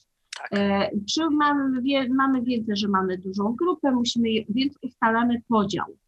Podział na ileś grup i ustalamy, kto pójdzie, kto idzie pierwszy, kto drugi, kto, kto trzeci, żeby, żeby w jakiś tam sposób też to dopasować i, i, i, żeby to funkcjonowało, bo też w części e, widzialnej pokazujemy e, naszym odwiedzającym alfabet Braille'a i tam mogą sobie osoby napisać coś na maszynie brailleowskiej czy tabliczce, więc tutaj już musi być osoba, która zna e, pismo punktowe, która będzie mogła te zajęcia wykonać. Dlatego Mhm. staramy się to robić tak, żeby każdy, każda z grup miała te zajęcia z Braille'a e, i żeby e, to było spójne i też żeby to było po prostu e, takie ciągłe, żeby nikt na nikogo nie czekał, też nikt nikomu po piętach, że tak powiem, nie chodził. Więc tutaj to są takie rzeczy. Jeżeli chodzi między nami, jak uprowadzić, to wszyscy byliśmy szkoleni, więc z góry było nam powiedziane, co w którym pomieszczeniu tematycznie, o czym opowiadamy. Taki Wiadomo- ogólny zrąb, tak? tak, tak, y, taki zarys, bo wiadomym jest, że każdy z nas jest inny, każdy ma inne doświadczenia y, i no też nie mamy wpływu na to, jakie pytania zostaną goście, jakie pytania goście nam zadadzą, prawda? Jasne. I tutaj jakby tutaj, więc został podany ogólny zarys, co mamy robić i ile czasu spędzamy w danym pomieszczeniu. Natomiast to, mm, jak te zajęcia będą przebiegały w danym pomieszczeniu, no to już to zależy od kreatywności edukatora, no i od grupy. Jasne. A są takie działki, na przykład, o których bardziej lubicie opowiadać, e, wiesz, e, ktoś się specjalizuje, e, nie wiem, tak w jakichś kwestiach związanych z czynnościami codziennymi, bo takie zadają wam pytania też, ktoś zadaje, chętniej opowiada o użytkowaniu nowoczesnych technologii, ktoś inny o jakich, jakichś kwestiach związanych z edukacją, właśnie z tym, jak się zmieniało tam pismo punktowe, y, przyrządy do pisania, do czytania. Y, czy macie też y, taką jakby dowolność i wymienność w kontekście tego, jaka jest grupa, że jakby tutaj, no wiecie, że ktoś sobie lepiej z takimi tematami radzi, jest bardziej wdrożony w tą, w tą tematykę i, i wtedy decyduje się ta osoba, powiedzmy, na, na to, że, że, że to ona jakąś tam grupą się będzie zajmowała, czy, czy nie, czy jest na kogo wypadnie na tego Benz? Raczej jest to tak, że, że e, no może nie tyle na kogo wypadnie na tego Benz, ale no każdy z nas, kto podejmuje się tej pracy, musi mieć tą, powinien mieć tą elementarną jakąś wiedzę. Wiadomo jest, że jeżeli osoba, e, edukator X, no siedzi w kuchni niemalże cały czas i gotuje, bo lubi, bo to jest w ogóle czynność, bez której nie może żyć, no to on będzie o tej kuchni opowiadał, ale to tak jest pasjami. Mhm. Ktoś, kto, że tak powiem, e, nie funkcjonuje bez gadżetów elektronicznych, też będzie o tym opowiadał, ale z drugiej strony nie ma na tyle czasu, żeby e, e, aż tak zagłębiać się w swoje pasje. Mhm, z reguły oczywiście. takie rozmowy, jeżeli już to, to są po wyjściu z ciemności, na przykład jeśli, je, jeśli jedni czekają na drugich, no to ktoś tam jeszcze w kuluarach o coś tam edukatora zapyta. Natomiast no nie ma na to czasu. Jest godzina, jest e, sześć pomieszczeń, e, no i to trzeba w tej godzinie zmieścić. Więc to tak nie do końca e, jest czas, żeby się jakby skoncentrować na własnych takich pasjach, na tym, co ja lubię, czego, czego mniej lubię Jasne, e, rozumiem. Czyli przychodząc, można się spodziewać, że e, będzie mniej więcej e, ta narracja w podobnych kontekstach. Jedne kwestie będą bardziej pogłębione, inne mniej, ale, ale generalnie podobnie. Dobrze, to teraz porozmawialiśmy o tym, jak tutaj Wy postrzegacie swoją pracę. To chciałabym Was popytać troszkę o reakcję Waszych gości. E, ktoś y, przychodzi do Was, oprowadzacie grupę czy pojedynczą osobę, ona wychodzi e, z tej ciemności, wraca z powrotem do tego e, miejsca widnego i teraz jakie są te najczęstsze reakcje, kiedy z powrotem już tą osobę jakby wyprowadzacie na, na światło. E, jak e, tutaj, co, jakie są Twoje obserwacje w tym kontekście, Wojtku? Znaczy tak, naj, najczęściej są pozytywne, tak? W 99% one są bardzo pozytywne. Ale znaczy są jest... pozytywne, bo się cieszą, że, że już z powrotem e, mogą coś zobaczyć, tak? No, na szczęście nie. Na szczęście są pozytywne tym kontekście, że jest dla mnie coś takiego wow, nie wiedziałem, że tak będzie, że było super, e, że mm, przekonałem się, że ta ciemność nie jest aż tak straszna, ale też są takie reakcje, że o kurczę, no to ja nie, ja nie wiedziałem, że osoby niewidome tak dobrze sobie radzą, że prawda, obsługują telefony, że mogą same wykonywać różne czynności. Także to jest też taki takie zaskoczenie mm, y, tym wszystkim, co osoby niewidome mogą, prawda? Mhm. E, tym y, ci ludzie pewnie są zaskoczeni tym, e, że wy e, pracujecie, pytają was o to na przykład, jak wy do tej pracy dojeżdżacie, albo jak się do niej przygotowujecie, tak? No, to wszystko oczywiście zależy od ludzi, ale dużo jest takich właśnie zachwytów, ochów, ochów i achów, że my właśnie pracujemy, że dojeżdżamy, ojej, autobusem dojeżdża, pociągiem, a nie boi się pan i tak dalej, prawda? Tak, No, bo to jest e, też e, dla tych osób taka zaskakująca sytuacja. Raz, że ciemność, a dwa, że osoba e, niewidoma, która jakby w takiej zbiorowej świadomości funkcjonuje trochę na zasadach takiego czyjegoś podopiecznego z konieczności, nagle tutaj staje się opiekunem, przewodnikiem. I to jest dla nich jakby druga forma tego zaskoczenia, to odwrócenie ról, prawda? Dokładnie. Dokładnie i oni się właśnie bardzo dziwią, a jak pan tutaj się nie pogubia, czy pan tu, czy tam pani, e, ile się tego uczyli, tego pomieszczenia, prawda? Oni są na, na ogół są pod, e, pod wielkim wrażeniem. Okej, dziękuję Ci bardzo, Wojtku.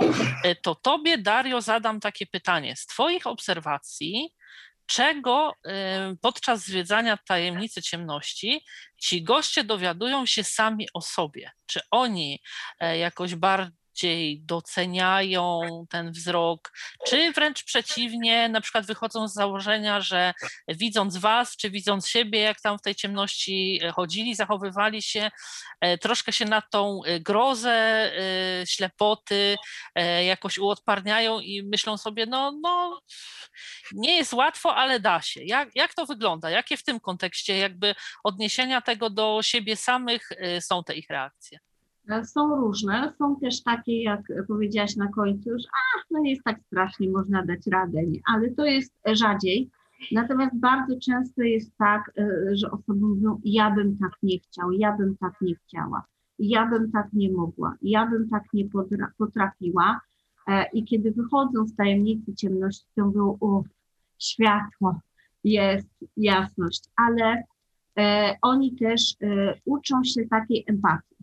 E, Ja często proszę też, e, oprócz tego, że mm, e, pytam ich o wrażenia, to też proszę ich na przykład, jeżeli chodzi o pomaganie, ale też na przykład proszę ich, zwłaszcza te starsze dzieci, młodzież, że może by zechcieli być wolontariuszami w aplikacji dla nas Be, Be My Eyes. Ja z tej Mhm. aplikacji korzystam i te dzieciaki, bardzo mnie to cieszyło, jak przyszli z liceum, czy te starsze gimnazjum i oni podchodzili do mnie i mówili, proszę Panią, ja już się zarejestrowałem w tej aplikacji. Super. To, to było takie właśnie bardzo fajne. Budujące, Tak, prawda? budujące, takie, że oni rzeczywiście e, też e, uczą się czegoś takiego, że rzeczywiście, kurczę, ten niewidomy, no może potrzebować tej pomocy, zwłaszcza kiedy wchodzą do tych głośnych pomieszczeń i oni rzeczywiście ten hałas im przeszkadza i oni te, dopiero właśnie wtedy doświadczają, że kiedy widzą niewidomego, gdzie jest na tym rynku, bo oni sami tego doświadczyli, że jak byli w głośnym pomieszczeniu,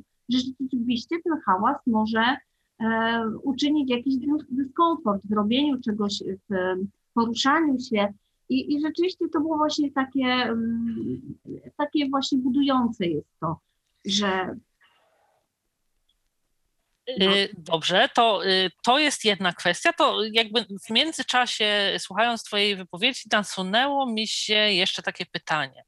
Y, Bo oczywiście spodziewam się, że niejako przy okazji e, uczycie też trochę takiego savoir vivre wobec osób niewidomych, tak? tak, E, No bo pewnie pada pytanie, czy do osoby niewidomej wypada mówić do widzenia, zobacz i tak dalej, E, ale rozumiem, że też e, podpowiadacie, jak e, pomagać osobie niewidomej w różnych sytuacjach. Oczywiście nie będziemy ich tutaj opisywać, bo musielibyśmy opisać szerszy kontekst i to już jakby zbyt wiele mówiłoby o tym, co w tej, w tej tajemnicy można zobaczyć, odkryć. Ale powiedzcie mi, jak się mm, to jeszcze z, y, przez chwilkę porozmawiam z Tobą, Dario.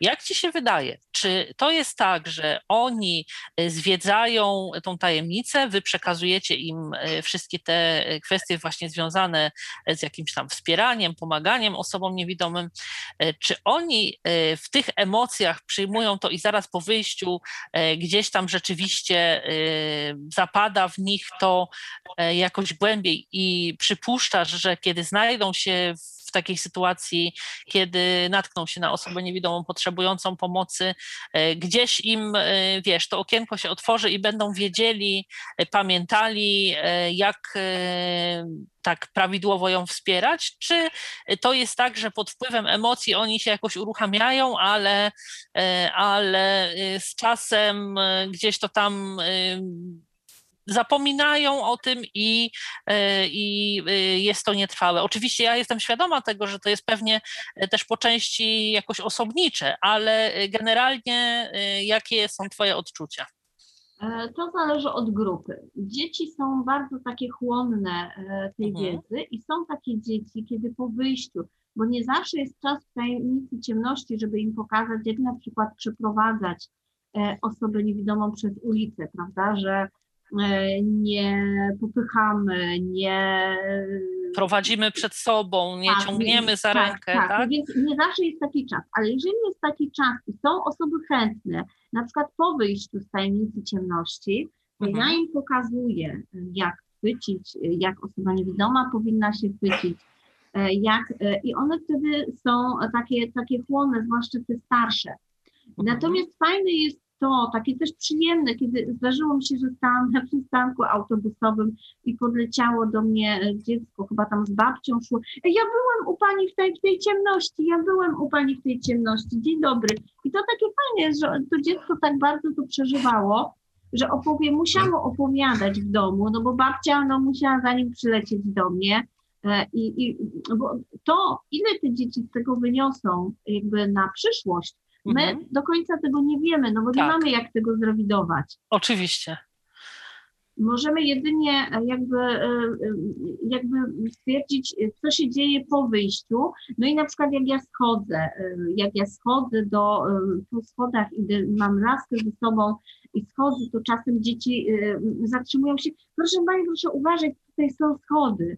No inne dziecko mówi, ale pani ma laskę, pani wie, więc to jest takie, że one myślą, myślą, myślą. Mhm, na pewno też jest to kwestią takiej y, ogólnej świadomości. Okej, okay, Wojtku, to teraz Ciebie zapytam o te reakcje takie.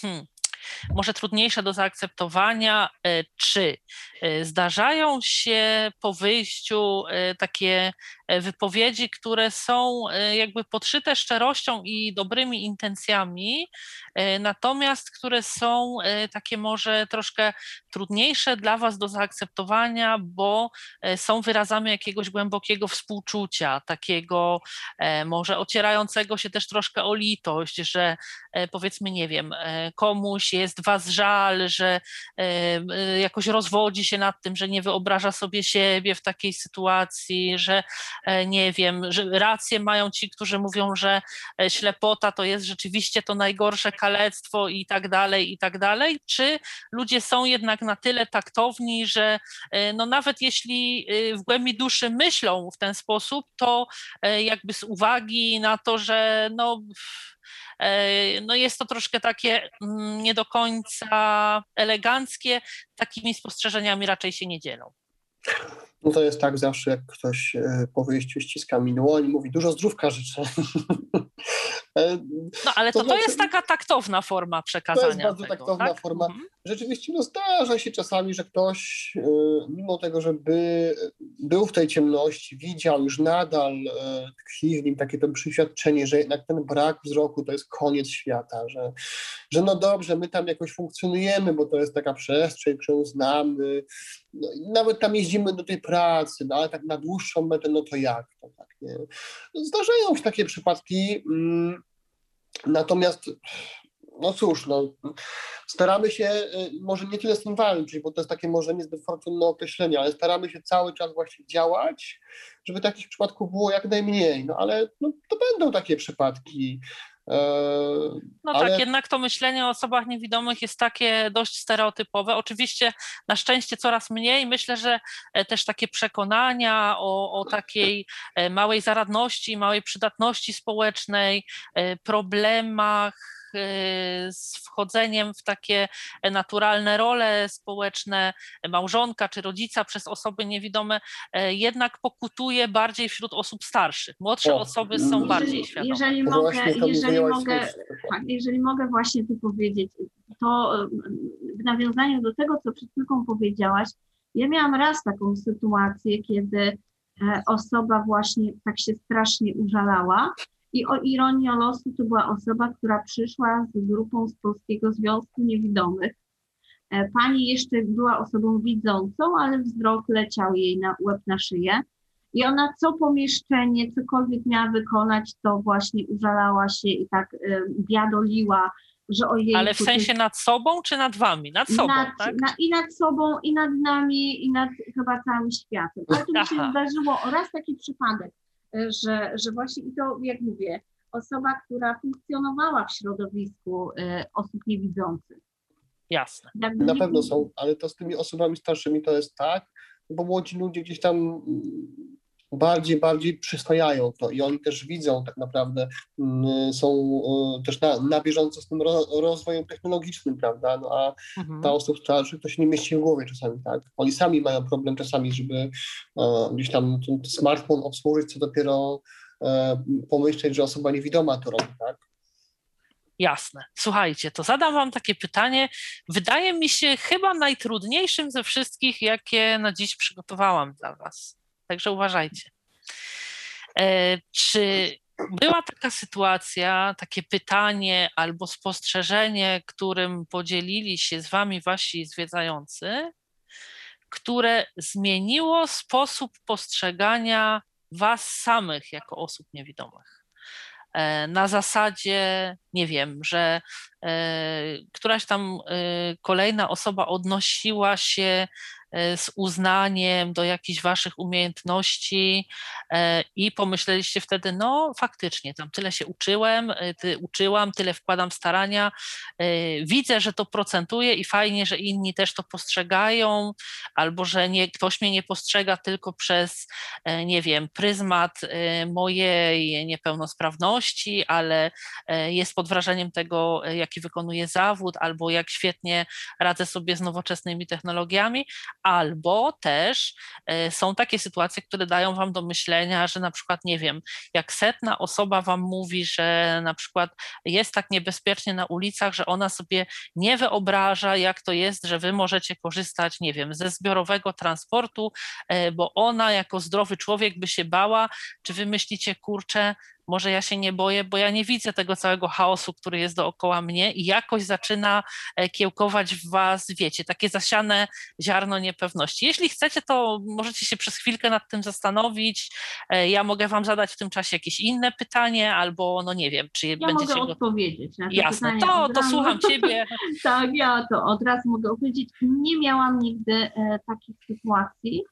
E, I to no może zabrzmi troszkę pompatycznie, ale no po prostu nie miałam. Mhm. E, e, natomiast ja też taki mam charakter. Ja dosyć tak. To jest w ogóle umiejętność człowieka, żeby umiał przyjmować pochwały. Bo generalnie jest tak, że jeżeli ktoś nam mówi o nas coś negatywnego, to rozmyślamy o tym, przyjmujemy to, analizujemy i tak dalej. A jeżeli ktoś właśnie nas bez przerwy chwali, to jakoś, no, mm, ja mam taki charakter, że tak, no, ciężko mi przyjąć pochwałę. E, I natomiast nigdy nie miałam jakiejś takiej sytuacji, która by wzbudziła we mnie e, aż takie rozważania, o których wspominałaś. Mhm, dobra, dzięki. A ty, Wojtku, przez kontakt jakby i te opinie, którymi dzielą się z tobą e, osoby odwiedzające tajemnice ciemności, e, są takie, e, nie wiem, sytuacje, jakieś czynności, umiejętności swoje, na które zacząłeś patrzeć z innej perspektywy?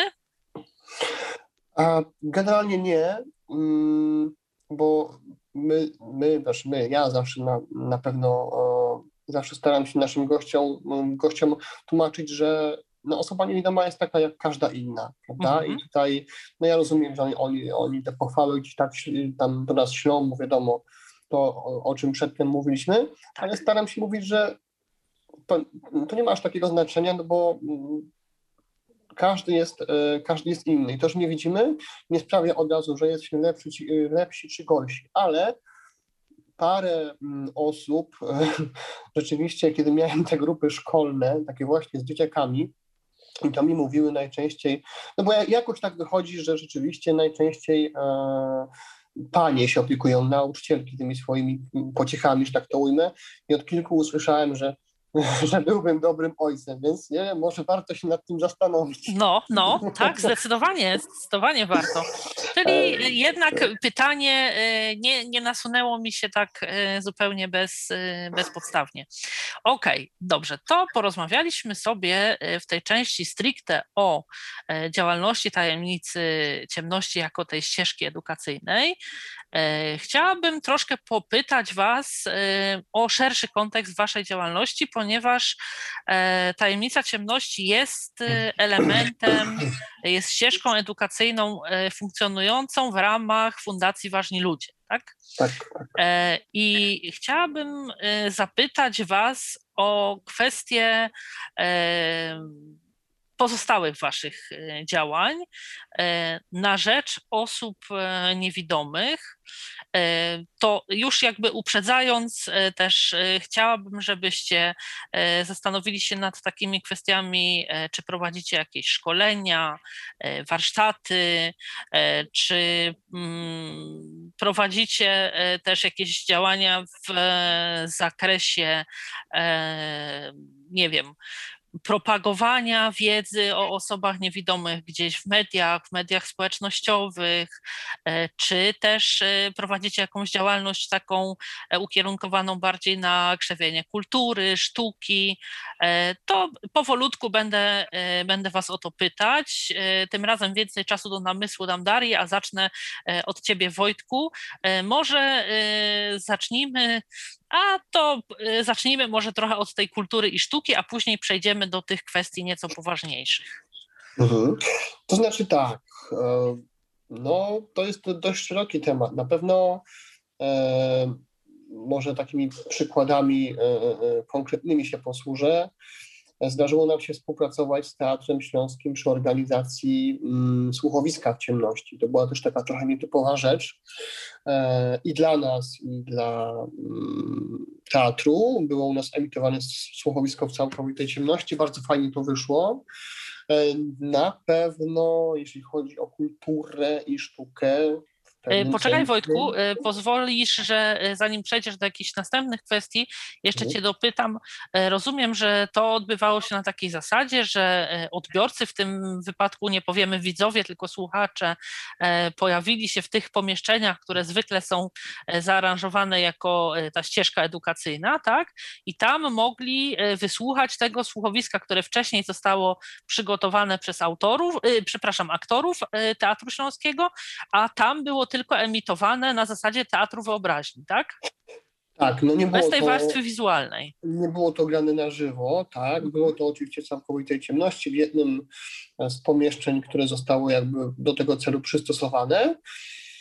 E, tak, e, na pewno też myślę, że możemy się pochwalić e, tym, że bierzemy udział w Restaurant Week, nie wiem, czy mam tutaj tłumaczyć naszym gościom, co to jest. Natomiast tak, myślę, że y, w takim y, naj, najbardziej, może nie zagłębiając, tak, w zarysie. Mhm. No generalnie polega to na tym, że, że ludzie przychodzą do restauracji zjeść kolację, e, pod którą jest przygotowane specjalne menu. No i tym, co nas... E, bo chodzi, przepraszam bardzo, o tą restaurację społeczną, o której mówiłeś na dole, tak? U Was, która działa. Tak, tak? dokładnie. Mhm. Dokładnie, to jest konkurs ogólnopolski, że tak powiem, e, naszym mm, tym, co, co, co, co nas wyróżnia, jest to, że nasi goście mogą zjeść deser nie na dole, gdzie wszystko widzą, tylko właśnie w całkowitej ciemności i obsługują ich niewidomi edukatorzy, czyli my. Przeradzacie się w kelnerów tak, wtedy, tak? Dokładnie, dokładnie. Mhm. E, Dobra, to poczekaj chwilkę jeszcze, bo chciałabym dopytać, bo myślę, że e, to jest bardzo fajna i taka atrakcyjna forma, też przez to, że jest to połączone, tak, że może dla kogoś, dla kogo e, zjedzenie całego bo rozumiem, że to jest jakaś przystawka, główne danie i deser, tak? No najczęściej to jest przystawka, zupa, drugie danie, to mhm. się je na dole, a u góry jest deser, tak. Czyli dla kogoś, kto obawiałby się, że nie udźwignie e, mentalnie, a już zwłaszcza manualnie e, całego, e, całego tego obiadu, to też jest dobrym rozwiązaniem to, że, że jest serwowany tylko ten deser w ciemności, tak? Tak, to mm, dokładnie. To też na ogół są takie lekkie, fajne rzeczy, ale też takie bogate w smaki, no bo też chcemy, żeby ci ludzie skoncentrowali się tylko właśnie na tym, co czują, więc czas, czasami są to takie jakieś przeciwstawne smaki, żeby oni musieli też no, niejako wy, wyłapywać, tak, e, z tej całości jakieś tam konkretne, konkretne smaki. A kiedy E. y, w najbliższym czasie y, jest y, możliwość skorzystania? Czy to jest tak, że to cały czas te desery są serwowane, czy to jest tylko jakiś okres, kiedy tego typu właśnie deser można sobie zamówić? To znaczy tak, no generalnie Restaurant Week jest e, cykliczną imprezą, odbywa się na jesieni, odbywa się w lecie. E, teraz najbliższa edycja już za, za chwilę tak naprawdę, bo bodajże mm, no, w, w drugim tygodniu e, czerwca, albo 7, albo 8, albo 9 czerwca. Teraz dokładnie nie pamiętam, to sobie można sprawdzić. Natomiast, czyli generalnie mamy jakby dwie edycje. E, Natomiast tutaj chciałbym też się trochę cofnąć do tego czasu przed, przedpandemicznego, bo myślę, że w pewnym sensie jest to też taka kultura troszkę. Na przykład e, myśmy też organizowali właśnie w ciemności e, Dni Kobiet, czy Dzień Kobiet, e, walentynki i wtedy też można sobie było coś u nas w tej ciemności zjeść. Mhm. Nie tylko E. deser, rozumiem, tak? No jeżeli ktoś miał takie życzenie i, i- i podjął się tego wyzwania, to, e, to tak. E, Trzeba też wspomnieć o tym, co jest poza, poza ciemnością. Jeżeli chodzi o, o tą strefę kulturalną, no to swego czasu e, w przestrzeni miejskiej na dworcu PKP w Katowicach flashmoba organizowaliśmy, gdzie no też e, pokazywaliśmy,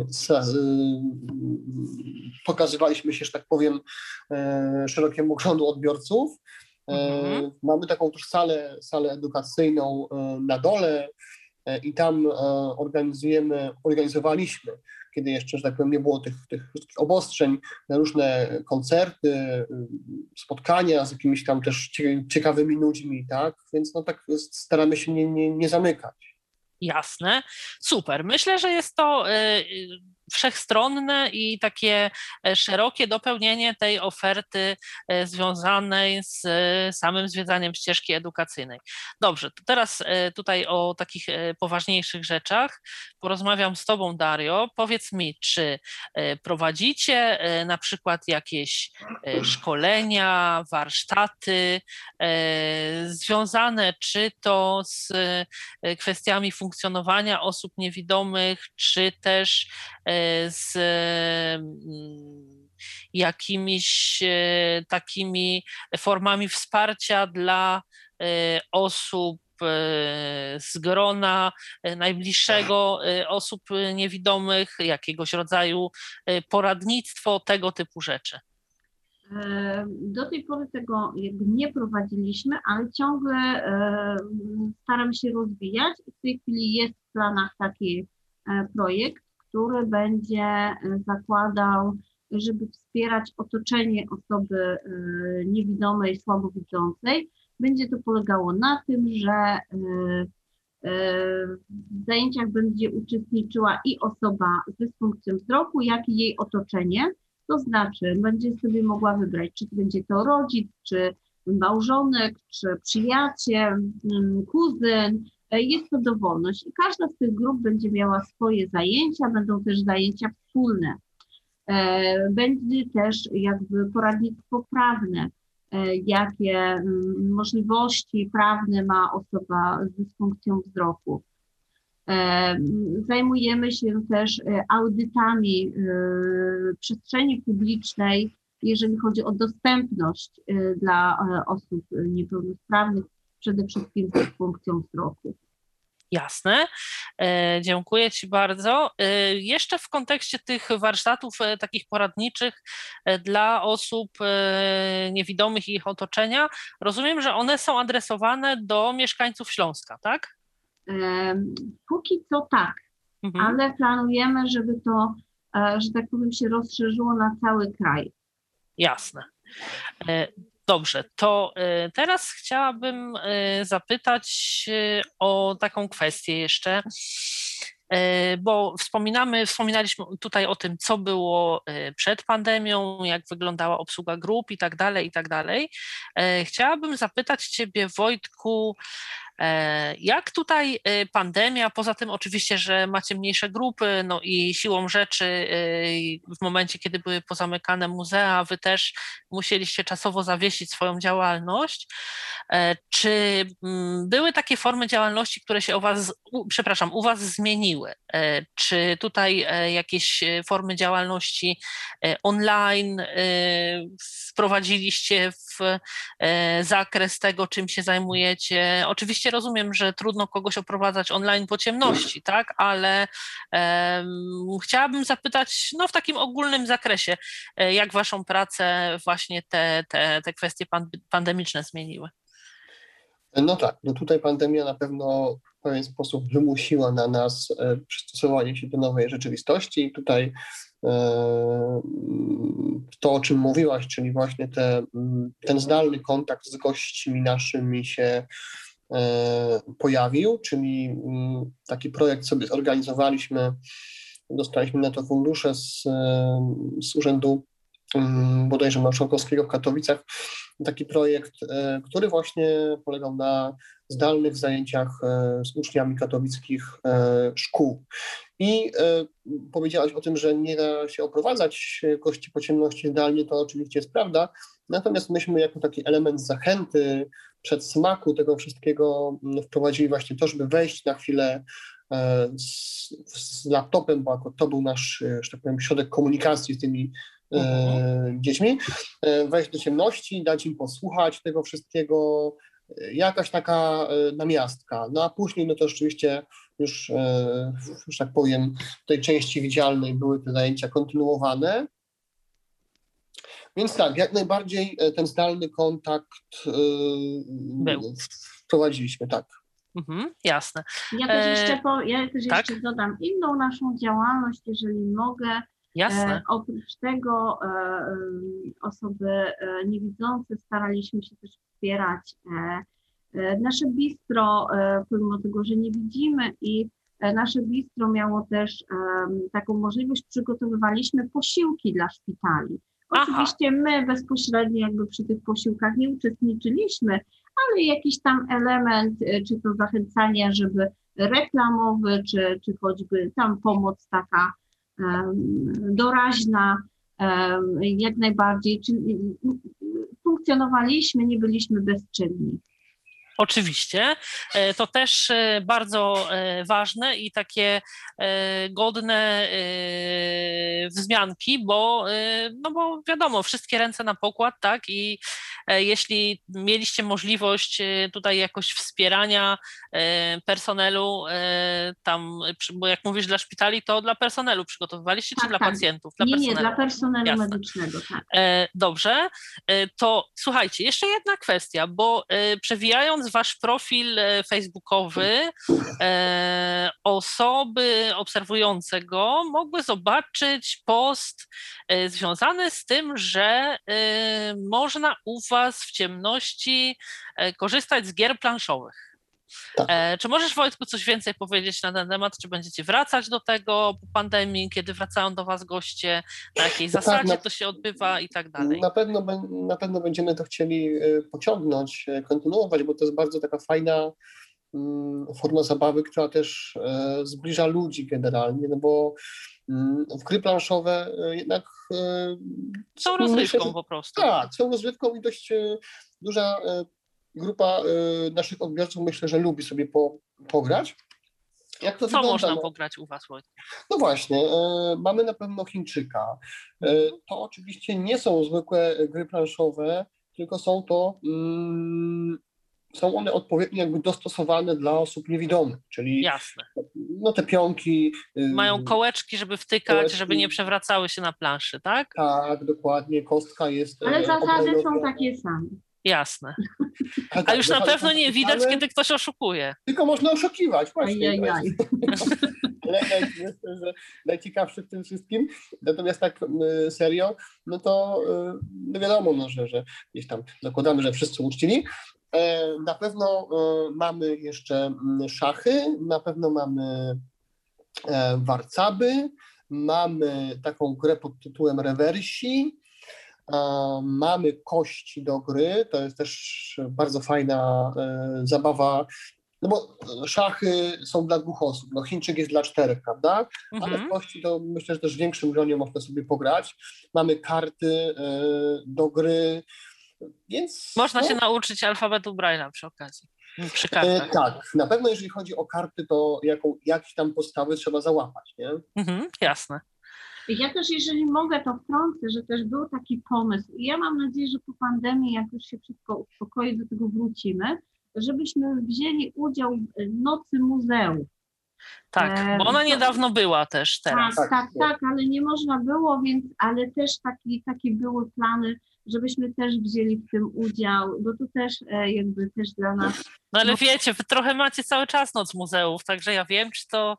Ale e, ja zapraszam, żeby ktoś zagrał ze mną w Chińczyka w noc muzeów, nie mam nic przeciwko. Super, jasne. Ja myślę, że to jest świetny, e, to może nie, nie, no, nie tyle noc muzeów, Daria, co po prostu powinniście, wiesz, takie kasyno w ciemności po prostu. Goście będą obstawiać, a wy będziecie wygrywać tak? No to jest dobry pomysł. Tak, tak. tak. Na pewno nic, pozwoli nie, potreperować e, budżet po pandemii, tak, także... To taka bardzo ciemna strefa by była. Tak, bardzo ciemna strefa.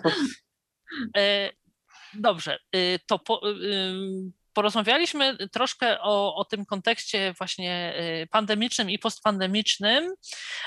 Natomiast chciałabym zapytać w kontekście samego tego przepraszam, reżimu, e, bo wiemy, że grupy zostały okrojone właściwie do minimum, tak, e, powodu braku możliwości zachowania dystansu w jakiejś tam dużej grupie. Oczywiście, tak jak wspomniałeś, Wojtku, nie dotyczy to e, takich grup, które no jakby na co dzień przebywają ze sobą, tak? Osób, które razem pracują, razem mieszkają, bo, bo też gdzieś w tym wszystkim musi być zdrowy rozsądek, tak? Ale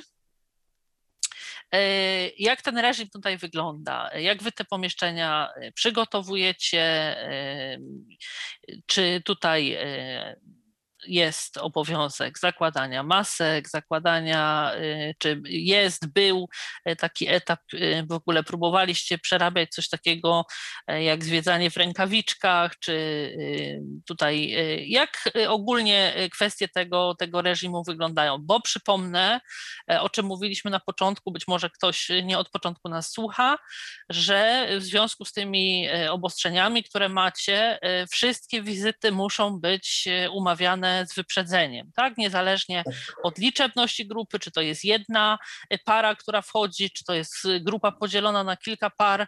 E, tutaj jakby e, generalną zasadą jest to, że, że muszą być wcześniej zgłoszone, żeby te pomieszczenia mogły być na czas przygotowane, tak? Trzeba się anonsować, no to może właśnie zacznę od tych pomieszczeń. No przede wszystkim to jest regularne wietrzenie, to jest e, dezynfekcja tych takich powierzchni, które się najczęściej dotyka, tak? Bo są takie powierzchnie, które najczęściej są dotykane przez naszych e, gości, a jeżeli o, chodzi o, o nas i o edukatorów, no to maseczki jak najbardziej, natomiast e, z rękawiczkami było tak, że przez pewien czas to to rzeczy, rzeczywiście wprowadzaliśmy. Bo... I to wszędzie była y, taka y, jakby tak. faza, że były te tak. rękawiczki, a później tak. stopniowo z tego rezygnowano, tak? No tak, Na rzecz bo, dezynfekcji.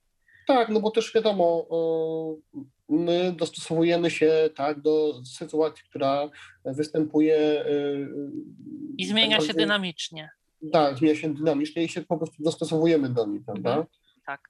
Poza tym wydaje mi się, że w miejscu, gdzie e, stawia się poniekąd na doświadczanie czegoś dotykiem, e, jednak chyba ta taka wzmożona dezynfekcja lepiej się sprawdza niż te rękawiczki, bo taki e, statystyczny Kowalski, który przychodzi z ulicy do Was zwiedzać, no niekoniecznie ma tak wyrobiony dotyk, żeby jeszcze przez te rękawiczki te wszystkie detale dostrzegać, żeby to oglądanie w cudzysłowie było dla niego komfortowe, tak? To jest e, oczywiście prawda. Z drugiej strony, no, w tramwajach, w komunikacji miejskiej też raczej ludzie nie noszą rękawiczek, jednak dotykają Tak. różnych elementów. E, u nas oczywiście tego jest więcej, dlatego też zwłaszcza, no może młodsze dzieci, ale, ale generalnie prosimy jednak, żeby też ręce zdezynfekować albo umyć przed Mhm. i po, i po wyjściu. To jest też myślę Mhm. ważne, żeby, żeby myć te ręce po wyjściu. Mhm. Jasne. Znaczy, jeżeli mogę wtrącić, to u nas, Tak, jeżeli oczywiście. chodzi o mycie rąk, to się w tej kwestii wiele nie zmieniło, bo nawet jak było przed pandemią, to mówiliśmy, żeby sobie ręce umyć e, po zwiedzaniu tajemnicy ciemności. Zresztą same niektóre osoby mówiły, kurczę, muszę umyć ręce, bo jakoś Zwłaszcza, że jest takie jedno miejsce, Tak. e, po którym to mycie e, to już jest konieczne. Tak, jest konieczne. Dokładnie. Okej, dobrze, to reżimy mamy za sobą. Słuchajcie, e, będziemy tak e, powolutku już e, finalizować naszą rozmowę, więc e, chciałabym, żebyście. To teraz chwilkę porozmawiam z Darią, e, bo tutaj Wojtek opowiadał o reżimach. e, To z Tobą, Daria, chciałabym, żebyś e, tak w kilku słowach e, odpowiedziała tak ogólnie, e, podsumowując tą naszą dyskusję, e, dlaczego warto tajemnicę ciemności odwiedzić, żebyś też zachęciła tym, kogo, co można spotkać, jak, no ogólnie, dlaczego warto tajemnicę ciemności odwiedzić. Otóż tajemnice ciemności warto odwiedzić, ponieważ można doświadczyć, jak się funkcjonuje bez zmysłu wzroku. Można y, uwierzyć w to, że osoba e, niewidoma e, nie jest osobą niezaradną, niedołężną, e, niekontaktową, Niegramotną. można, tak, niegramotną. Można też nauczyć się samego siebie.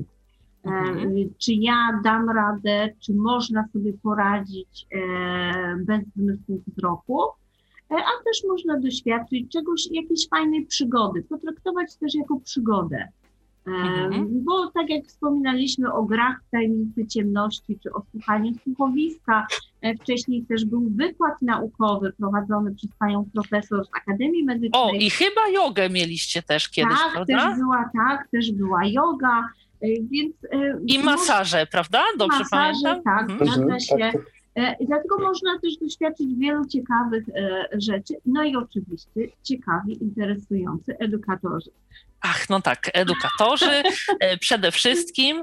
E, Poza tym też rzeczywiście, tak jak mówiłaś, e, że, że można się dowiedzieć sporo o, o, siebie, o sobie, bo generalnie jest to w pewnym sensie jakaś sytuacja ekstremalna, no a tak naprawdę tyle wiemy o sobie, ile nas sprawdzono, tak? Więc tutaj sami możemy siebie sprawdzić. Bardzo Ci, Daria, dziękuję za, za to podsumowanie. To jeszcze na koniec w takich formalnych kwestiach, Wojtku, E, Chciałabym, żebyś e, na koniec e, powiedział o tym, e, w jakich dniach, w jakich godzinach zapraszacie do tajemnicy ciemności. Oczywiście mam świadomość tego, że zawsze warto zadzwonić, dopytać, no bo też tak naprawdę no, wiemy, że ta sytuacja się zmienia, różne jakieś tam nieprzewidziane historie mogą się jeszcze zdarzyć.